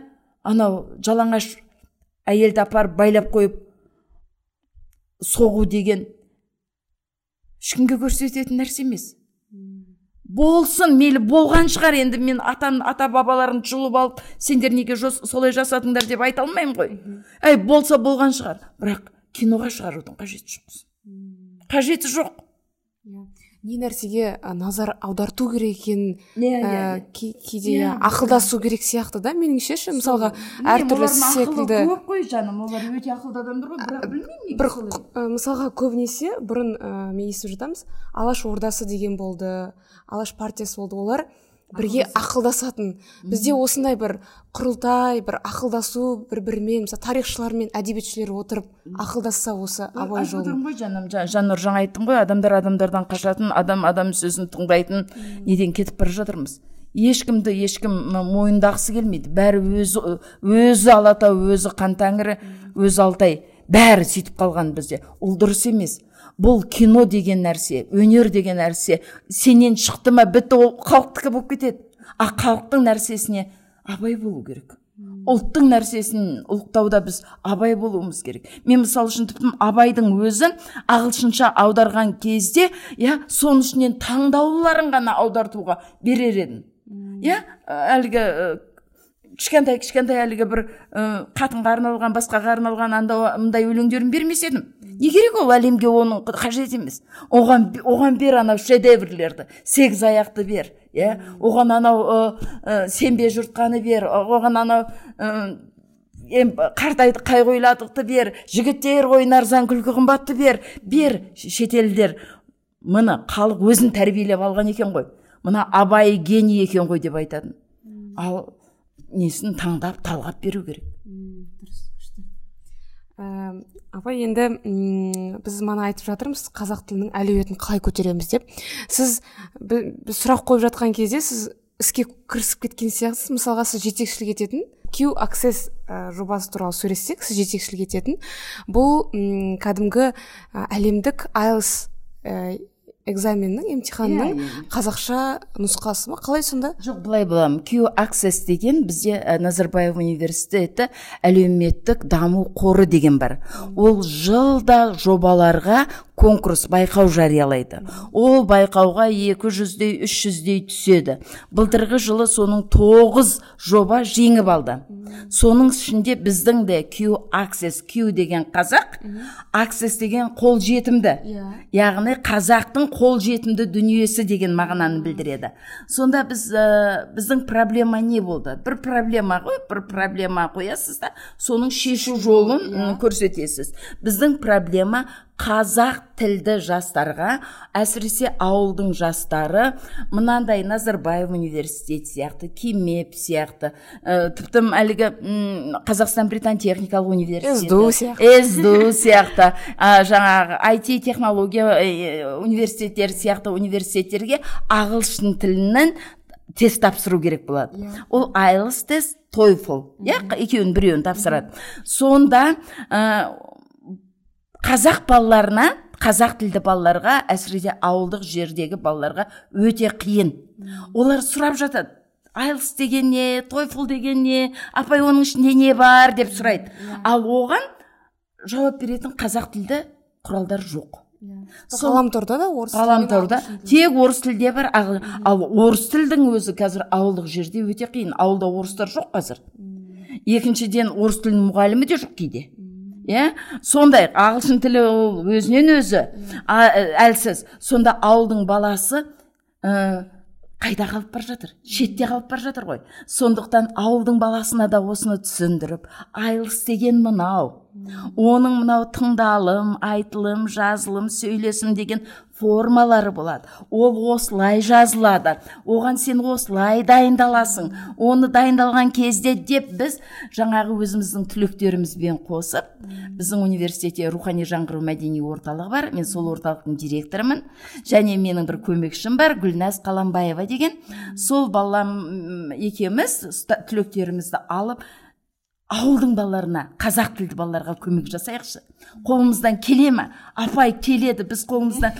Патриот оған бір тиын ақша да алмаймыз мысалы үшін. Жаңа балалар сөйтіп жаңағыдай ә, нені ұсынып ә, беріп едік біз ұтып кеттік. Сөйтіп сол бір жылдың ішінде біз төрт кітап шығардық. Әдістемелік нұсқаулық бәрі жазылады. Сөздік те бар эссенің формасы да бар. Қазақша түсіндіресің да балаға оңай. Е мынау мынау екен ғой. Жаңағы сонда қолданылатын сөздердің бәрін қазақша баламасын беріп қойдық. Ол мынау екен ғой. Деп сонда балаға бір саты көмек.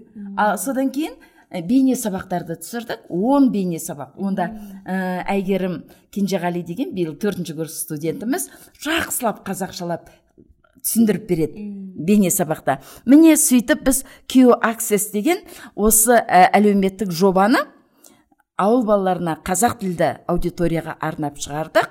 Сондықтан бұл бұл ә, әрбір қазақ тілін жақсы білетін қазақ тілін ана, ана тілім деп санайтын адамдарға парыз болу керек. Көмек қолын созатын көмек қолын ауылға қазақ балаларына көмек қолын созу деп санаймын. Сондай?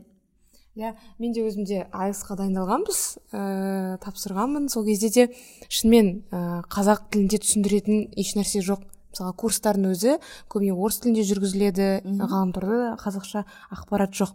Өте керемет жоба өте керемет идея.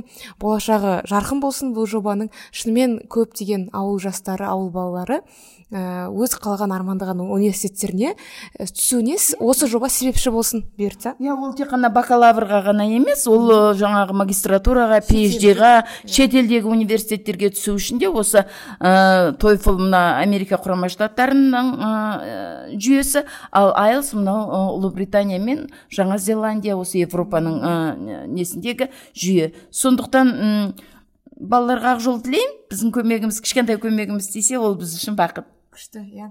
Апайдың ә, несінде парақшасында болу керек. Осы q access жобасының инстаграм желісі бар ә, арнасы бар. Қарасаңыздар болады. Ә, шынымен күшті мүмкіндік ә, керемет жоба. Так келесі сұрақ мынадай. Апай сізден жаңағы сөздеріңізден байқап қалдым. Сосын студенттердің өз аузынан да ә, студенттеріңіздің өз аузынан да естідім. Жалпы оларда бір тілге деген ерекше махаббат оянған. Мысалға студент деген шақ андай бір мектеп кезеңі емес бір ә, жап жас жасөспірім кез емес. Негізі студент кез біршама жасқа келіп қалған. Мысалы он сегізден жоғары балалар оқиды ғой он сегіз жастан. Осындай жас кезде ә, студенттерден тілге деген махаббатты қалай оятып жүрсіз? Сізге қарап сізді айтып оларда шынымен тілге деген махаббатты көрем ұстазына деген махаббатты сыйластықты көрем. Ә, бұл сізде қалай ә, қалай жүзеге асады? Енді ә, балам бұл бар ғой. Мен енді айта алмаймын. Мен, мен үшін ол олардың сезімі қалай оянып қалай мені жақсы көріп мен, мен арқылы қазақ тілін жақсы көріп деген. Мен ә, бар жоғы ә, мен өзім жақсы көремін.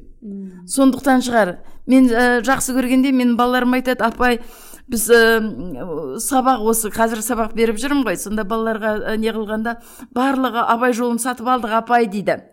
Ә, бұрын шынымен үйде болмапты абай жолы болмаған үй бар балалар бар. Абайдың кітабын сатып алды дейді. Содан өткенде мен сабағымның ішінде бір күн бір таңдау сабағын жасаймын. Балаларға айтамын қайсысын таңдайсыңдар мағжан? Абайды енді беріп жүрмін ғой мұқағали шыңғыс айтматов деймін. Кез келгенін таңдаса мен сол күнгі сабақты тек соған арнаймын. Мағжанның творчествосы мағжан мұқағали болса мұқағали шыңғысқа болса. Содан балалар шыңғыс айтматовты таңдады. Содан шыңғыс айтматовты таңдады мен енді ә, шыңғыс деген мен менің дариям. Иә? Мен шыңғысты осы студент кездегі өмірімнен бері шыңғыстың туған күнін ұмытып көрген жоқпын. Ол 12 желтоқсан. Ол 1928 жылы туған. Мен мектепте істеп жүргенде де бүкіл балаларыма шыңғыстың шығармаларын оқытам.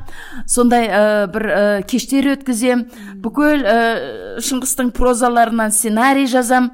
Сөйтемін де ә, жаңағы қойылымдарын қоям.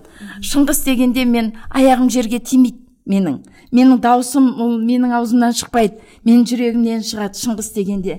Мен оны ә, соншама махаббатпен ол менің сүйген адамым сияқты шыңғыс. Оның әр кейіпкері менің сүйген адамым сияқты. Мен әсел болып ілиясты күтіп отырған сияқтымын. Мен жәмила болып жаңағы кімді? Даниярды көзіммен қарап тұрған сияқтымын. Мен солай балаларыма айтам жатқа оқимын мен. Шыңғыстың шығармаларын көп үзінділерін жатқа білем.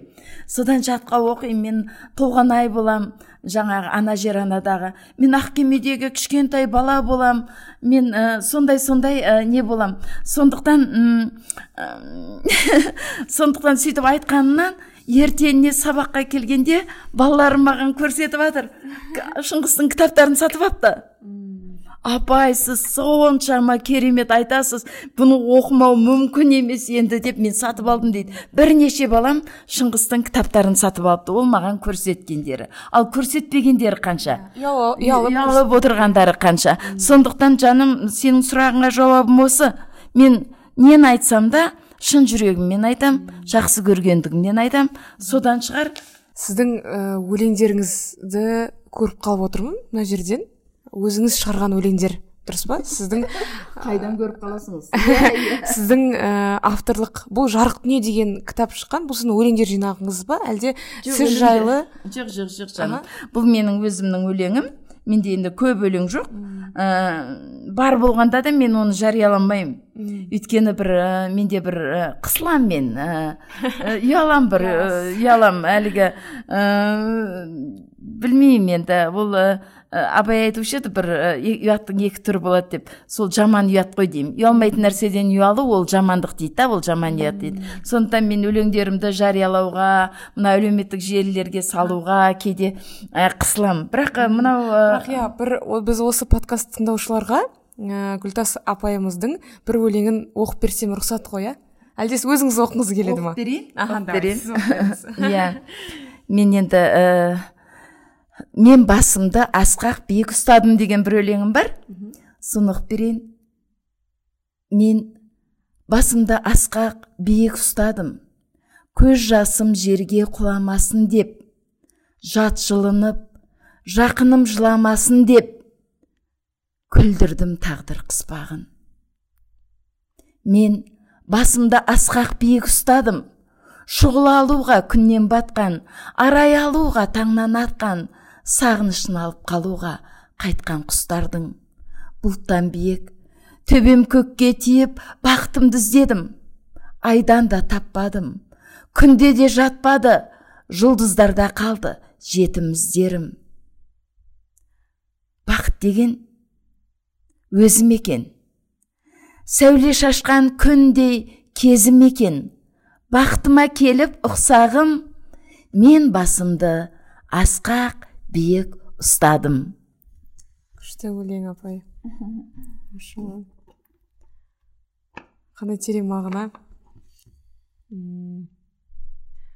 Ойланып қалдым ғой негізі менің ойымша мындай өлеңдер ә, жай ғана кітапта тұрмау керек жариялану керек ә, барлығы оқу керек тану керек деп ойлаймын. Мүмкін кейін осы өлеңдеріме арнап тағы бір ә, жазба подкаст жазсақ иә ол кезде мен ұялмай ә, өлеңдерімді оқып берем. Көп өлеңдерімді. Бұл тек қана ә, бастамасы болсын. Бастамасы болсын. Күшті апа енді ә, келесі бір мынадай сұрақ болып тұр. Мағжан жұмабаев айтқан екен. Алты алаштың баласы бас қосса төр мұғалімдікі дейді да. Ә, сіз осы ұстаздық жолды таңдаудағы мақсатыңыз қандай болды бұл шынымен де мағжан жұмабаев айтқандай керемет мамандық керемет ә, кәсіп. Сіздің бұл жолды таңдау себебіңіз қандай? Мүмкін бізді тыңдаушылардың ә, тыңдаушылар мұғалім болуы мүмкін оларға бәлкім шабыт болуы мүмкін. Мен ә, басында мектепте оқып жүргенде енді әртүрлі ә, біз ә, кинолар көреміз бала кезімізде сонда. Біреудің жанын алып қалып жатқан сондай арашашы болып жатқан дәрігерлерді көріп мен дәрігер болғым келетін. Сөйтіп мен алматы қаласындағы жаңағы қазіргі асфендияров атындағы ә, мединститутқа бардым. Соған бардым ә, содан дәрігер болғым келді. Енді бәрібір мен қарапайым ауылдың мектебін оқыдым ғой. Әрине мұғалімдеріміз мықты болды. Бірақ се бізді арнайы дайындаған жоқ. Біз жалпы білім алдық. Жалпы білім алдық. Әйтеуір өзімізге жетер. Сөйтіп ә, дайындығым аз болды ма? Әлде ә, не болды ма? Мен сол бірінші жылы сол ә, медицинаға дәрігерлік оқуға түсе алмадым. Содан ауылға келдім. Енді бір ұят нәрсе болды. Мен енді мектепті қызық айтайын мен сізге. Мен мынау физика математика биология химияға өте жақсы болдым да. Ал мынау қазақ тілі әдебиет орыс тілі әдебиетте менде төрт болды. Төрт төрт сабақтан менде төрт болды жаңағы. Өте қызық. Иә. Қараңыз енді. Содан енді біздің бір ә, мұғаліміміз сол ә, неден қазақ тілінен әрине орыс тілінен енді ол енді ә, айта алмаймын. Енді ол өзіміздің де біліміміз сол төртке жеткеніне де шүкір. Ауылдық жер өйткені. Ал ә, қазақ тілінен жақсы баға алатын едім. Бірақ мұғаліміміз біртүрлі болды. Ол кісі айтты мен де беске білмеймін сондықтан мен ешкімге бес қоя алмаймын деді. Бір адам бес алмайтынбыз бізде алтын белгі деген болмайды өйткені қазақ тілі мен әдебиеттен елдің бәрі төрт алатын. Сондай қызық болды сондай жағдай болды. Содан ә, жаңағы бітірдік. Бітірмес бұрын оныншы сыныпта кезде оныншы класс қой оқып жүрген кезімізде біздің жаңағы сол әдебиеттен беретін мұғаліміміз бір он күндей ауырып қалды. Сөйтіп неге ә, ауруханаға жатты. Біз қуандық балалар қуанады ғой. мұғалім ауырып қалса ража сабақ болмайтын болды. Бірақ сабақ болды. Бізге жаңадан сол жылдары келген мектепке бір завуч ағай ә, меңгеруші. Сол кісі ә, әдебиеттен мұғалім екен сол кісі келіп сабақ берді. Бұрын сабақ берген жоқ ол бізге. Келді де содан кейін түрлі екен өзі. Жаңағы қай жерге келдіңдер деп жай ғана сыпайы ғана сөйлейді. Содан кейін сәкенге келдік деп айтып жатырмыз енді жылдың басы болу керек соны. Сәкен сейфуллин содан кейін ә, ертең бейімбет майлинді ә, деп. Содан сәкеннің көкшетауын өтіп жатыр. Ағай айтып жатқа соғады жаңағы көкшетауды иә? Жатқа айтып жатыр біз таң қаламыз бір бірімізге қарап түртеміз мынау қандай керемет деп. Содан кейін ағай айтады хрестоматияларыңды аша қойыңдар дейді бізге. Біз өмірі хрестоматия әкелмегенбіз өйткені жақсы көрмейміз ғой сабақты бәрі біле салмаймыз ә, хрестоматия әкелген жоқпыз. Содан кейін а әкелмедіңдер ма? Келесі жолы ұмытпай алып келіңдер дейді. Ұрыспайды да жаңағы кісі. Жарайды деп келесі жолы алып кеттік. Келесі жолы бейімбетті айтып жатыр бейімбетті шұғаның белгісін аға деген мұғаліміміз жатқа соғады. Ары қарай гүлтас сен оқи қойшы дейді маған. Жаңағы хрестоматияны аша сап жаңағы оқып жатырмыз жаңағы оқып жатырмыз ә, содан кейін ары қарай сен оқи ғой балам сен оқи ғой деп жаңағы сөйтеді. Содан жаңағы бір екі үш рет сабақ берді. Әдебиет деген тұнып тұрған керемет екен. Біз білмеппіз. Сүймегенбіз ғой бұл нешінші сынып? Бұл оныншы сынып. Иә? Құрбандықты қарасашы жоқ ана ылғи ана мұғалім берген жоқ ол бізге сол тоғыз бен онда ғана берді. Одан бұрын жақсы апай берген ә, қазақ тілінен сондай ә, грамматиканы өте жақсы сауатты түсіндіретін ә, жәмила деген мұғаліміміз болған. Өте жақсы. Бірақ енді мынау дәл өсіп қалғанымызда мына кісі беріп сөйтіп бізді ә, не содан біз жақсы көріп қалдық. Содан мектепті бітіріп жаңағы оқудан құлап бір күні аялдамада тұрсам мектептің директоры келе жатыр. Қайда қашып құтыларымды білмеймін енді амандасу керек. Айт деген кісі болатын аға сәлеметсіз деп амандастым бүйтіп төмен қарап тұрмын. Түк етпейді гүлтас түк етпейді. Келесі жылы түсесің биыл түспесең сен мұғалім болғың келе ма деп маған сөйтті. Содан кейін енді жұмыс жоқ қой ауылда. Келеді деп сөйттім. Содан онда ертең келе ғой деді. Өтінішімді жазып ертең анау ұзартылған күн тобы деген болатын. Ә, бастауыш сыныптың балаларын түстен кейін алып қалып ұйықтатамыз оларды сабағын оқытамыз тамақ береді сондай. Ғажап соған болып кеттім. Енді мұғалімдердің бәрі мені жақсы көреді жақсы оқығанымды біледі. Енді біреудің бір жағдайы болып қалса ауырып қалса өлім жітімге кетіп қалатын болса солардың орнына мен барып сабақ беремін. Маған бір күн бұрын айтып қойса болды. Мен физикадан да химиядан да математика геометрия бәрінен бере беремін өйткені мен ол сабақтардан өте жақсымын жаңағы. Содан кейін бір күні ә, сондай бір сабақ жетінші сыныпқа сабақ беріп тұрдым. Тарихтан сабақ беріп тұрдым. Өзім дайындалып барғам тарихқа жақсылап сабақ бердім. Жаңағы бала жетінші класс бұзық класс екен. Жаңағы бір ғани ғани деген бала бар екен. Ол сыныпта отырмайды екен. Тіпті мұғалімнің өзіне бағынбайтын бала ғой. А мен ауылдың қызымын ғой сол бір көшеде өскен. Жаңағы. Иә. Иә одан бір төрт жас кіші үлкенмін. Ә, содан жаңағы бала орнынан тұра беріп неғыла берген кезде мен иығынан басып отырғызғанмын ғой жаңағы. Баланы жаңағы қолым өте қарулы мен өте жаңағы қара жұмыс істеп неғып ер адам ер адам баланы бүйтіп иығынан басып отырғызғанда ол сезген. Енді қимылдама деген ғой. Сол енді ол бала тыныш отыратын болса басқа балалардың бәрі тыныш отырады. Содан шыбынның ізіңі білінбейді мен сабақты керемет етіп берем. Сөйтіп шығып мұғалімдер бөлмесіне келсем менің қолымды алып жатыр мұғалімдерім. Ой тамаша сабақ беріпсің ғой. Сенің сабағыңа сәбит ағай қатысыпты ғой дейді завуч. Бүйтіп жоқ қатысқан жоқ деймін. Жоқ қатысыпты сен осындай тақырыпта сабақ иә осындай тақырыпта байқамағансыз ба сөйтсем жоқ ол кісі кірмеген есікті сәл ашып қойғанда қырық бес минут бойы мен сабағымды осылай тыңдап тұрған ғой есікте. Кірсем мен енді неғып қалуым мүмкін иә, иә, иә. сөйтіп кіргенде мұғалімдерге айтқан ғой гүлтас құдайдан келген мұғалім учитель от бога депті де басқа неге кетіп қалыпты? Әлгі бізде корпустар көп болатын соған кетіп қалған содан жаңағы бәрі құттықтап мені. Содан бастап ағай маған жаңағы сәбит ағайым дос болды. Әңгімелеседі менімен. Содан кейін тақырыптар береді. Осы тақырыптарға шығарма жазып берші дейді. Мен еркін тақырыпқа жақсы жазамын. Жаңағы табиғатпен қосып сезіммен бүкіл туған жер ана сондай тақырып содан бір уақытта гүлтас сен дәрігер болып не істейсің?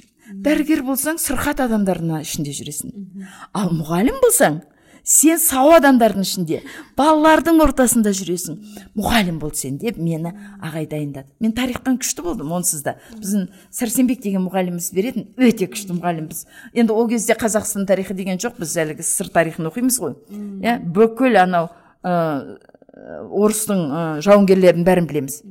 Сөйтіп не керек ә, жаңағы ә, дайындап мен казгуге фифаға түсіп кеттім. Бірақ ұстазым қазір ә, күледі елдің бәрі. Менің ә, осы уақытқа дейін ұстазым менімен бірге жүреді. Мен кейін ол кісіні алматыға шақырдым.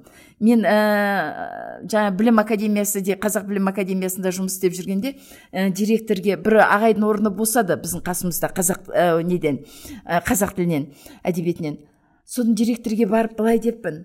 Ағай менің ұстазым бар ол керемет. Соны алыңызшы. Орын бар ма? Бар ағай. А егер мүмкін болса менің жарты ставкамды сол кісіге беріңізші деп айтыппын. Содан ә, ал шақыр деді. Содан мен ағайға келіп телефон шалдым үйден. Ә, телефон әрең таптық? Енді ол кісімен араласпай көрмей кеткелі қай заман? Жаңағы. Бірақ мен ол кісіні құрметтеймін да жаңа. Білімді керемет. Содан телефон тауып жолдасыма соным әрине қателік болған екен. Жолдасыма айтпай мен ағайға айттым. Ағай сіз келіңізші мен сізді директорге айттым келсін деп айтты деп. Содан кейін а солай ма? деп ағам сөйтті да мен ойланайын деді. Жарайды аға дедім. Содан кейін телефонды қойғаннан кейін жолдасым айтты. Гүлтас сен өте қателік жасап отырсың. Ол кісі үлкен кісі. Бұл жаққа келеді пропискасы жоқ үйі жоқ. Иә ол жұмысқа қалай тұрады? Жұмысқа тұрған күнде де қалай өмір сүреді? Сен неге ақылдаспадың деп сөйтті. Енді мен айтып қойдым мен не істеймін деп жаңағы. Сөйттім содан бір күні ағам келді. Сөйтіп директорге алып бардым. А енді сен шыға бер деді директор. Ана кісіні алып қалды да қиналып тұрмын мен бір оқыс бір нәрсе айтып қалар ма екен деп. Бір уақытта ол кісі шығып ә, не қылды а жарайды сөйлестік деді де қойды. Бір уақытта ә, секретары звондайды директордың. Келіңіз сіз шақырып жатыр деп. Жүгіріп бардым қорқып бардым сөйтсем директор айтады маған нұрахметов немеребай нұрахметов деген керемет ғалым кісі болды біздің директор. Сол айтады гүлтас мұғалімің деп бас бармағын көрсетіп мынандай кісі екен. Менің тіпті менің баяғыда жазған мақаламды орысша жазған мақаламды сайрап отыр ғой дейді басқаларды айтпағанда орыстың бүкіл педагогтарын бүкіл психологтарды бүкіл еңбектерді өте білімді жұмысқа ал деп айттым дейді. Сөйтіп сол ағай қаншасыншы жылдан 98 жылдан бастап па сол неде менімен бірге жұмыс істеді. Одан кейін оқулықтың авторы болды ол кісі. Бүгінгі күнге дейін үлкен орны бар қоғамда. Сондықтан менің ә, ұстаз болуыма мұғалім болуыма сол бір мұғалімім әсер етті. Ол ә, бір жыл сабақ берген емес бір ақ жұма сабақ берген мұғалім.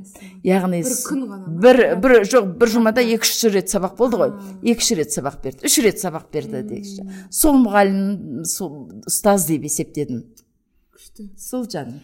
Адамның адамға әсері иә? мысалға апай ұстаздан шәкірт озады дейді ғой. Сіз ә, жұмыс жасайтын ордаңызға өзіңіздің мұғаліміңізді алып келіп оны ә, жаңа бір белестерге тартуыңыздың өзі бір ә, күшті нәрсе екен да? Шабыт беретін нәрсе екен. Ә, келесі бір сұрақ. М жаңа ұстаздық жолыңызды айтып жатсыз қалай бастадыңыз иә? Келесі сұрақ мынадай. Ұстаздық жолыңызды айтып жатырсыз. Ұстаздық еткен жалықпас үйретуден балаға деп айтады ғой. Осы жолда ә, ұстаздық жолыңызда қандай қызықтар мен қиыншылықтар болды? Бір екі бұл бір қызық оқиғалар болса айтып жібере аласыз ба? Ә, ұстаздық жолда ә, бәрі енді жақсы ғой қызық қой. Бірақ ә, бала дегенде әртүрлі болады. Шәкірттер мен сегізінші сыныпта сабақ беріп отырмын балаларға. Ә, ауыз әдебиетінен қозы көрпеш баян сұлу деген ә, жаңағы жырда оқып соны талдап және соны ә, ғабит мүсіреповтің драмасыменен салыстырып ә, жыр қандай иә бұл бір жанр ауыз әдебиетіндегі. Екінші жанр мынау ә, не қандай сценарий қандай? Екеуін салыстырып отырмын жаңағы. Сонда ә, жырда ауыз әдебиетіндегі қозы көрпеш баян сұлудағы ә, тон қозы көрпеш баяндағы сюжет ақынның жырлауы иә соның бәрін әдемілеп жеткізіп отырдым да ал ғабит мүсірепов қалай ұтты ғабит мүсірепов оны қара сөзге айналдырды. Қара сөзге айналдырғанда ол тіптім сол жырдың ә, әуенімен үндесіп иә жел баян деп соғады ә, көл баян деп толқиды иә тау бар баян деген деп жаңағы сөйтіп айтып жатыр ғой кім? Соны ә, неғып жатқан кезде сабағымды бітірдім. Өзім енді ол кезде жиырмадан асқан кезім ғой университетті жаңа бітіріп келген. Енді ә, шашым бұрымым ұзын. Өзім ә, енді ә, келіншек болсам да енді балам болса да енді қыз сипатындағы болуым керек. Ә, содан енді оқушылар көз алмай қарап отырады ғой. Әсіресе бірінші партадағы отырған адам тура басымнан аяғына шейін шашымнан ә, неме шейін бүйтіп қарап отырған. Бірақ енді ол мен бір елеп бір не қылмаймын. Содан бір уақытта жаңағы бала ә, апай сұрағым бар деп сөйтті. Содан кейін қоя ғой деп сөйттім. Қозы деп жатырсыз ғой бағанадан бері. Қозы қозы деп жатырсыз ғой. Сол анау қойдың қозысы ма маңырайтын деп. Манан бері түсіндіргенім қайда кетті дедіңіз ба? Қатты қатты жүрегім ауырды. Содан кейін қатты ренжідім бе? Шығып кет класстан дедім. Көзіме жас боталап келіп қалды. Мүмкін әзілдеген болар ғой ол әзілдесе де орынсыз әзіл да. Енді мұғалім де айтатын әзіл емес. Ол мені құрметтемеуі мені сыйламауы бағанадан бергі менің бүкіл сабағымды әлгі елемей әшейін сөйтіп қыз баласына айтатын сөзді айтып отырғаны маған соншама әлгі бір жаман әсер етті. Енді содан шығып кет класстан деп содан кейін қоңырау болды балалар шығып кетті. Мен терезеге қараған күйі тұрып қалдым дейді қатты ондай нәрсе болмаған менің өмірімде. Сондай әлгі. Содан шығып кетті содан бір уақытта екінші параллель сегізінші б классы келу керек. Мыналар в классы б классы келу керек. Бір уақытта қыздар келді де ұлдар жоқ сабақта. Содан кейін ә, ұлдар жоқ қой күте тұрайық деп жаңағы журналымды қарап сөйтіп отырдым. Енді жаңағы эмоциядан шығып енді мына басқа сыныпқа келіп отырмын ғой. Оларға да сол тақырыпты өтемін ғой қазір қоз көрпеш баян сұлуды бірақ көңіл күйім түсіп қалды енді. Бағанағы эмоцияның бәрі жоқ. Содан бір уақытта ә, есік сарт ашылды. Сарт ашылды да бағанағы маған ә, жаңағыдай сұрақ қойған баланы артынан біреу итеріп келіп жіберді. Итеріп мұрны қанаған ана баланың. Келіп менің алдымда тұр. Шошып кеттім мен. Не болды не болды дедім ана балалардың бәрі кіріп анаған сондай жаман көзбен қарап тұр. Екі сыныптың ұлдары екі сыныптың ұлдары жаман көзімен қарап тұр. Бір уақытта айт деді біреуі. Сөйтіп еді анау. Апай кешіріңізші кешіріңізші апай. Енді мұндай болмайды қайталанбайды деп сөйтті. Содан жарайды түк етпейді балаларым деп сөйтіп отырыңдар сендер содан анау шығып кетті ана бала. Содан ана балалар жігіт өздерінше барып орындарына отырып сіздің намысыңызды қорғады содан сөйтті. Сонда ә, кейін естідім ғой анау ә, не бар ә, спорт ә, кешені сыртта далада. Соған барып ана бала ә, класс айтқан ғой ана немене болды ана ана итеріп келе жатқан басқа балалар сен неменеге сөйтіп айттың ондай мындай деп жаңағы не болды не болды дегенде бұл гүлтас апайға сөй деп айтты деген ғой. Содан ана балалар қосылып барып бәрі тепкілеп ұрған ғой.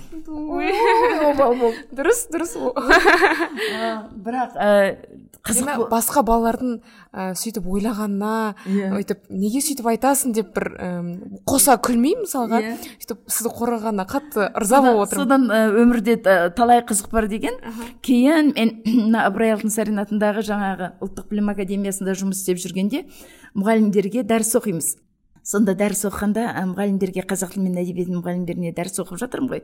Содан кейін ә, дәл өзің сияқты сұрақ қойды апай сіздің өміріңізде бір сондай бір ренішті сәттер болды ма деп. Содан кейін иә болған деп осы оқиғаны айтып бердім иә? Мен ә, шын айтқанда ол балаға ә, шынымен енді ол ә, не емес бірақ қолым тиіп кетті. Шығардым ғой тақтаға сосын бір иығынан итеріп жібердім. Бар кетші деп. Көрдіңіз ба? Мен қолым тиді. Мен ә, олай етуге құқым жоқ қой. Yeah, иә, иә. бірақ мен соны өмір бойы ұмытпадым. Сол балаға қолым тигенше бір өзімді кінәлі сезініп жүрдім. Артынан андай жағдай болды. Апай қолыңыз тиген кез болды ма? дегенде өте ауыр сұрақ. Бірақ сондай болып еді дедім. Мен ұрған жоқпын ол баланы соққан жоқпын бірақ итеріп. баршы деп айтып едім дедім. Содан бір уақытта соны айтып болдым. Ә, алматы қаласы мұғалімдердің білім жетілдіру институтында бір кабинетте өткізіп жатқан бір уақытта есік тақылдайды. Содан есік тақылдады есікті ашты. Қараймын сенесіз ба? Баяғы сол бала. Қанша жыл өтіп кетті жиырма жыл мүмкін өтіп кетті. Иә он бес жыл ма жиырма жыл ма білмеймін. Сол бала тұр. Мен қазір ғана мұғалімдерге айтқам соны. Енді қандай бұл ә, сәйкестік. сәйкестік мен түсінбеймін. Содан бір уақытта кірді сөйтіп мені құшақтап гүлтас апай білесіздер ма бұл біздің ең сүйікті апайымыз болатын. Біз барлығымыз осы апайды жақсы көрдік шын мәнінде жақсы көрдік. Мүмкін біз ә, мүмкін біз балалық махаббатымыз да болды апайға деген деп жаңағы бала айтып жатыр да оны ана мұғалімдер білмейді ғой енді әлі? Жаңа содан кейін рахмет айнал. Содан сол жерде бір жеңгесі ауылдан келіпті да соған бір бір нәрсе беруге келіпті іздеп соған келіп едім деп сөйтіп екеуі шығып кетті. Мен орнымнан отырып қалдым. Отырып қалдым. Апай сізге не болды дейді. Айта алмаймын. Отырмын дейді. Білесіздер ма жаңағы тарихтың кейіпкері мен итеріп жіберген бала осы бала дедім ал енді қандай ә, сәйкестік иә? Қандай алла тағаланың шеберлігі иә? Мынау маған мүмкін өмір бойы жүк болмасын деген шығар. Өмір бойы мен соны ойлап жүрдім ғой мен сол баламды итеріп жібердім ау депші. Көрдіңіз ба? Сол баланы қайтадан алып келіп ол бала ешқандай кек сақтамағанын ол бала ә, ұстазымызды жақсы көреміз деп айтқанын маған естіртті солай. Сондай қызық болған. Келесі ә, айдарымыз апай ол ә, күтпеген сұрақтар айдар белгісіз сұрақтар. Бұл сұрақтарға тез және қысқа жауап беру керек. Егер прямо қаласаңыз ұзақ жауап беруге болады иә. Так бірінші сұрақ ә, арманыңыз қандай? Арманым елімдегі барлық қазақ жұрты қазақша сөйлесе екен деген арман күшті күшті арман апай. Екінші сұрақ ә, қыз балаларға қандай кітап оқуға кеңес бересіз? Ә, қыз бала ұл бала дейтін емес мен ә, барлық ә, балаларға міндетті түрде абайды оқу керек міндетті түрде абай жолын оқу керек деген ұсыныс беремін. Күшті. Ә, үшінші сұрақ. Ә, құдай сақтасын бірақ бүгін соңғы күн десе бүгінгі күніңіз қалай өтер еді? Қиын екен. Ә, кәдімгідей өмірдегідей өтер еді. Мен дәл сол сол күнді. Әрине ол құпия бір, біріншіден белгісіз. Екіншіден жақсы нәрселерді жасап қалдырсам деймін. Күшті. Ә, төртінші сұрақ. Әлемде жеті миллиард адам бар. Олардың бәріне ұялы телефондарына бір уақытта бір хат келеді делік және сол хатты жіберуші сізсіз. Қандай хат жіберер едіңіз? Сообщение дейді ғой. адам аттарыңа лайық өмір сүріңдер дер едім күшті. Апай ә, бесінші сұрақ бұны қоймас бұрын ә, бір нәрсені бөліскім келіп тұр. Сіз қазақ радиосына берген ә, сұхбатыңызда ә, былай депсіз. Қыз ең қасиетті сөз депсіз қазақ радиосында. Және осы ә, сөзіңізбен бесінші сұрақ шама байланысты сияқты. Бесінші сұрақ мынадай. Қыз баланың миссиясы не? деп ойлайсыз? Қыз бала жалпы мынау өмір деген үлкен бір кітап дейтін болсақ сол тоқсан пайызын мазмұнын қыз бала құрайды деп ойлаймын. Себебі қыз бала бүкіл адамзатты тіршілікке алып келетін сол болғандықтан қыз баласы болғандықтан сол адамзаттың бақытын басқадан бұрын ер азаматтан бұрын қыз бала ойлайды. Өйткені оның ішінде оның ә, балалары бар. Сондықтан ә, қыз бала киелі қасиетті оны ешқандай да ренжітуге болмайды. Қыз баланың қамқоршысы бар болатын болса ағасы бар болатын болса ол ағасы туған ағасы емес оның ер азаматтар қазақтың ер азаматтары қыз баланың кез келген қыз баланың ағасы кез келген қыз баланың інісі болуға тиісті. Өйткені сол ер баланың апайы бар қарындасы бар анасы бар. Яғни сол ер бала қыз балаларды солай құрметтейтін болса біздің қазақ қыздары деген өте өте парасатты өте шыдамды өте әдемі өте инабатты сондай табиғатында сол қасиеттер бар. Ол жоғалған жоқ. Сондықтан ал егер ол жоғалып жатыр десе оған ер азаматтар кінәлі. Жақсы рахмет. Апай ә, подкастымызға келіскеніңізге көп көп рахмет. Сіздің даналығыңызға көрегендігіңізге әлде тәнті болып отырмын. Ә, сізді подкастымнан жібергім келмей отыр.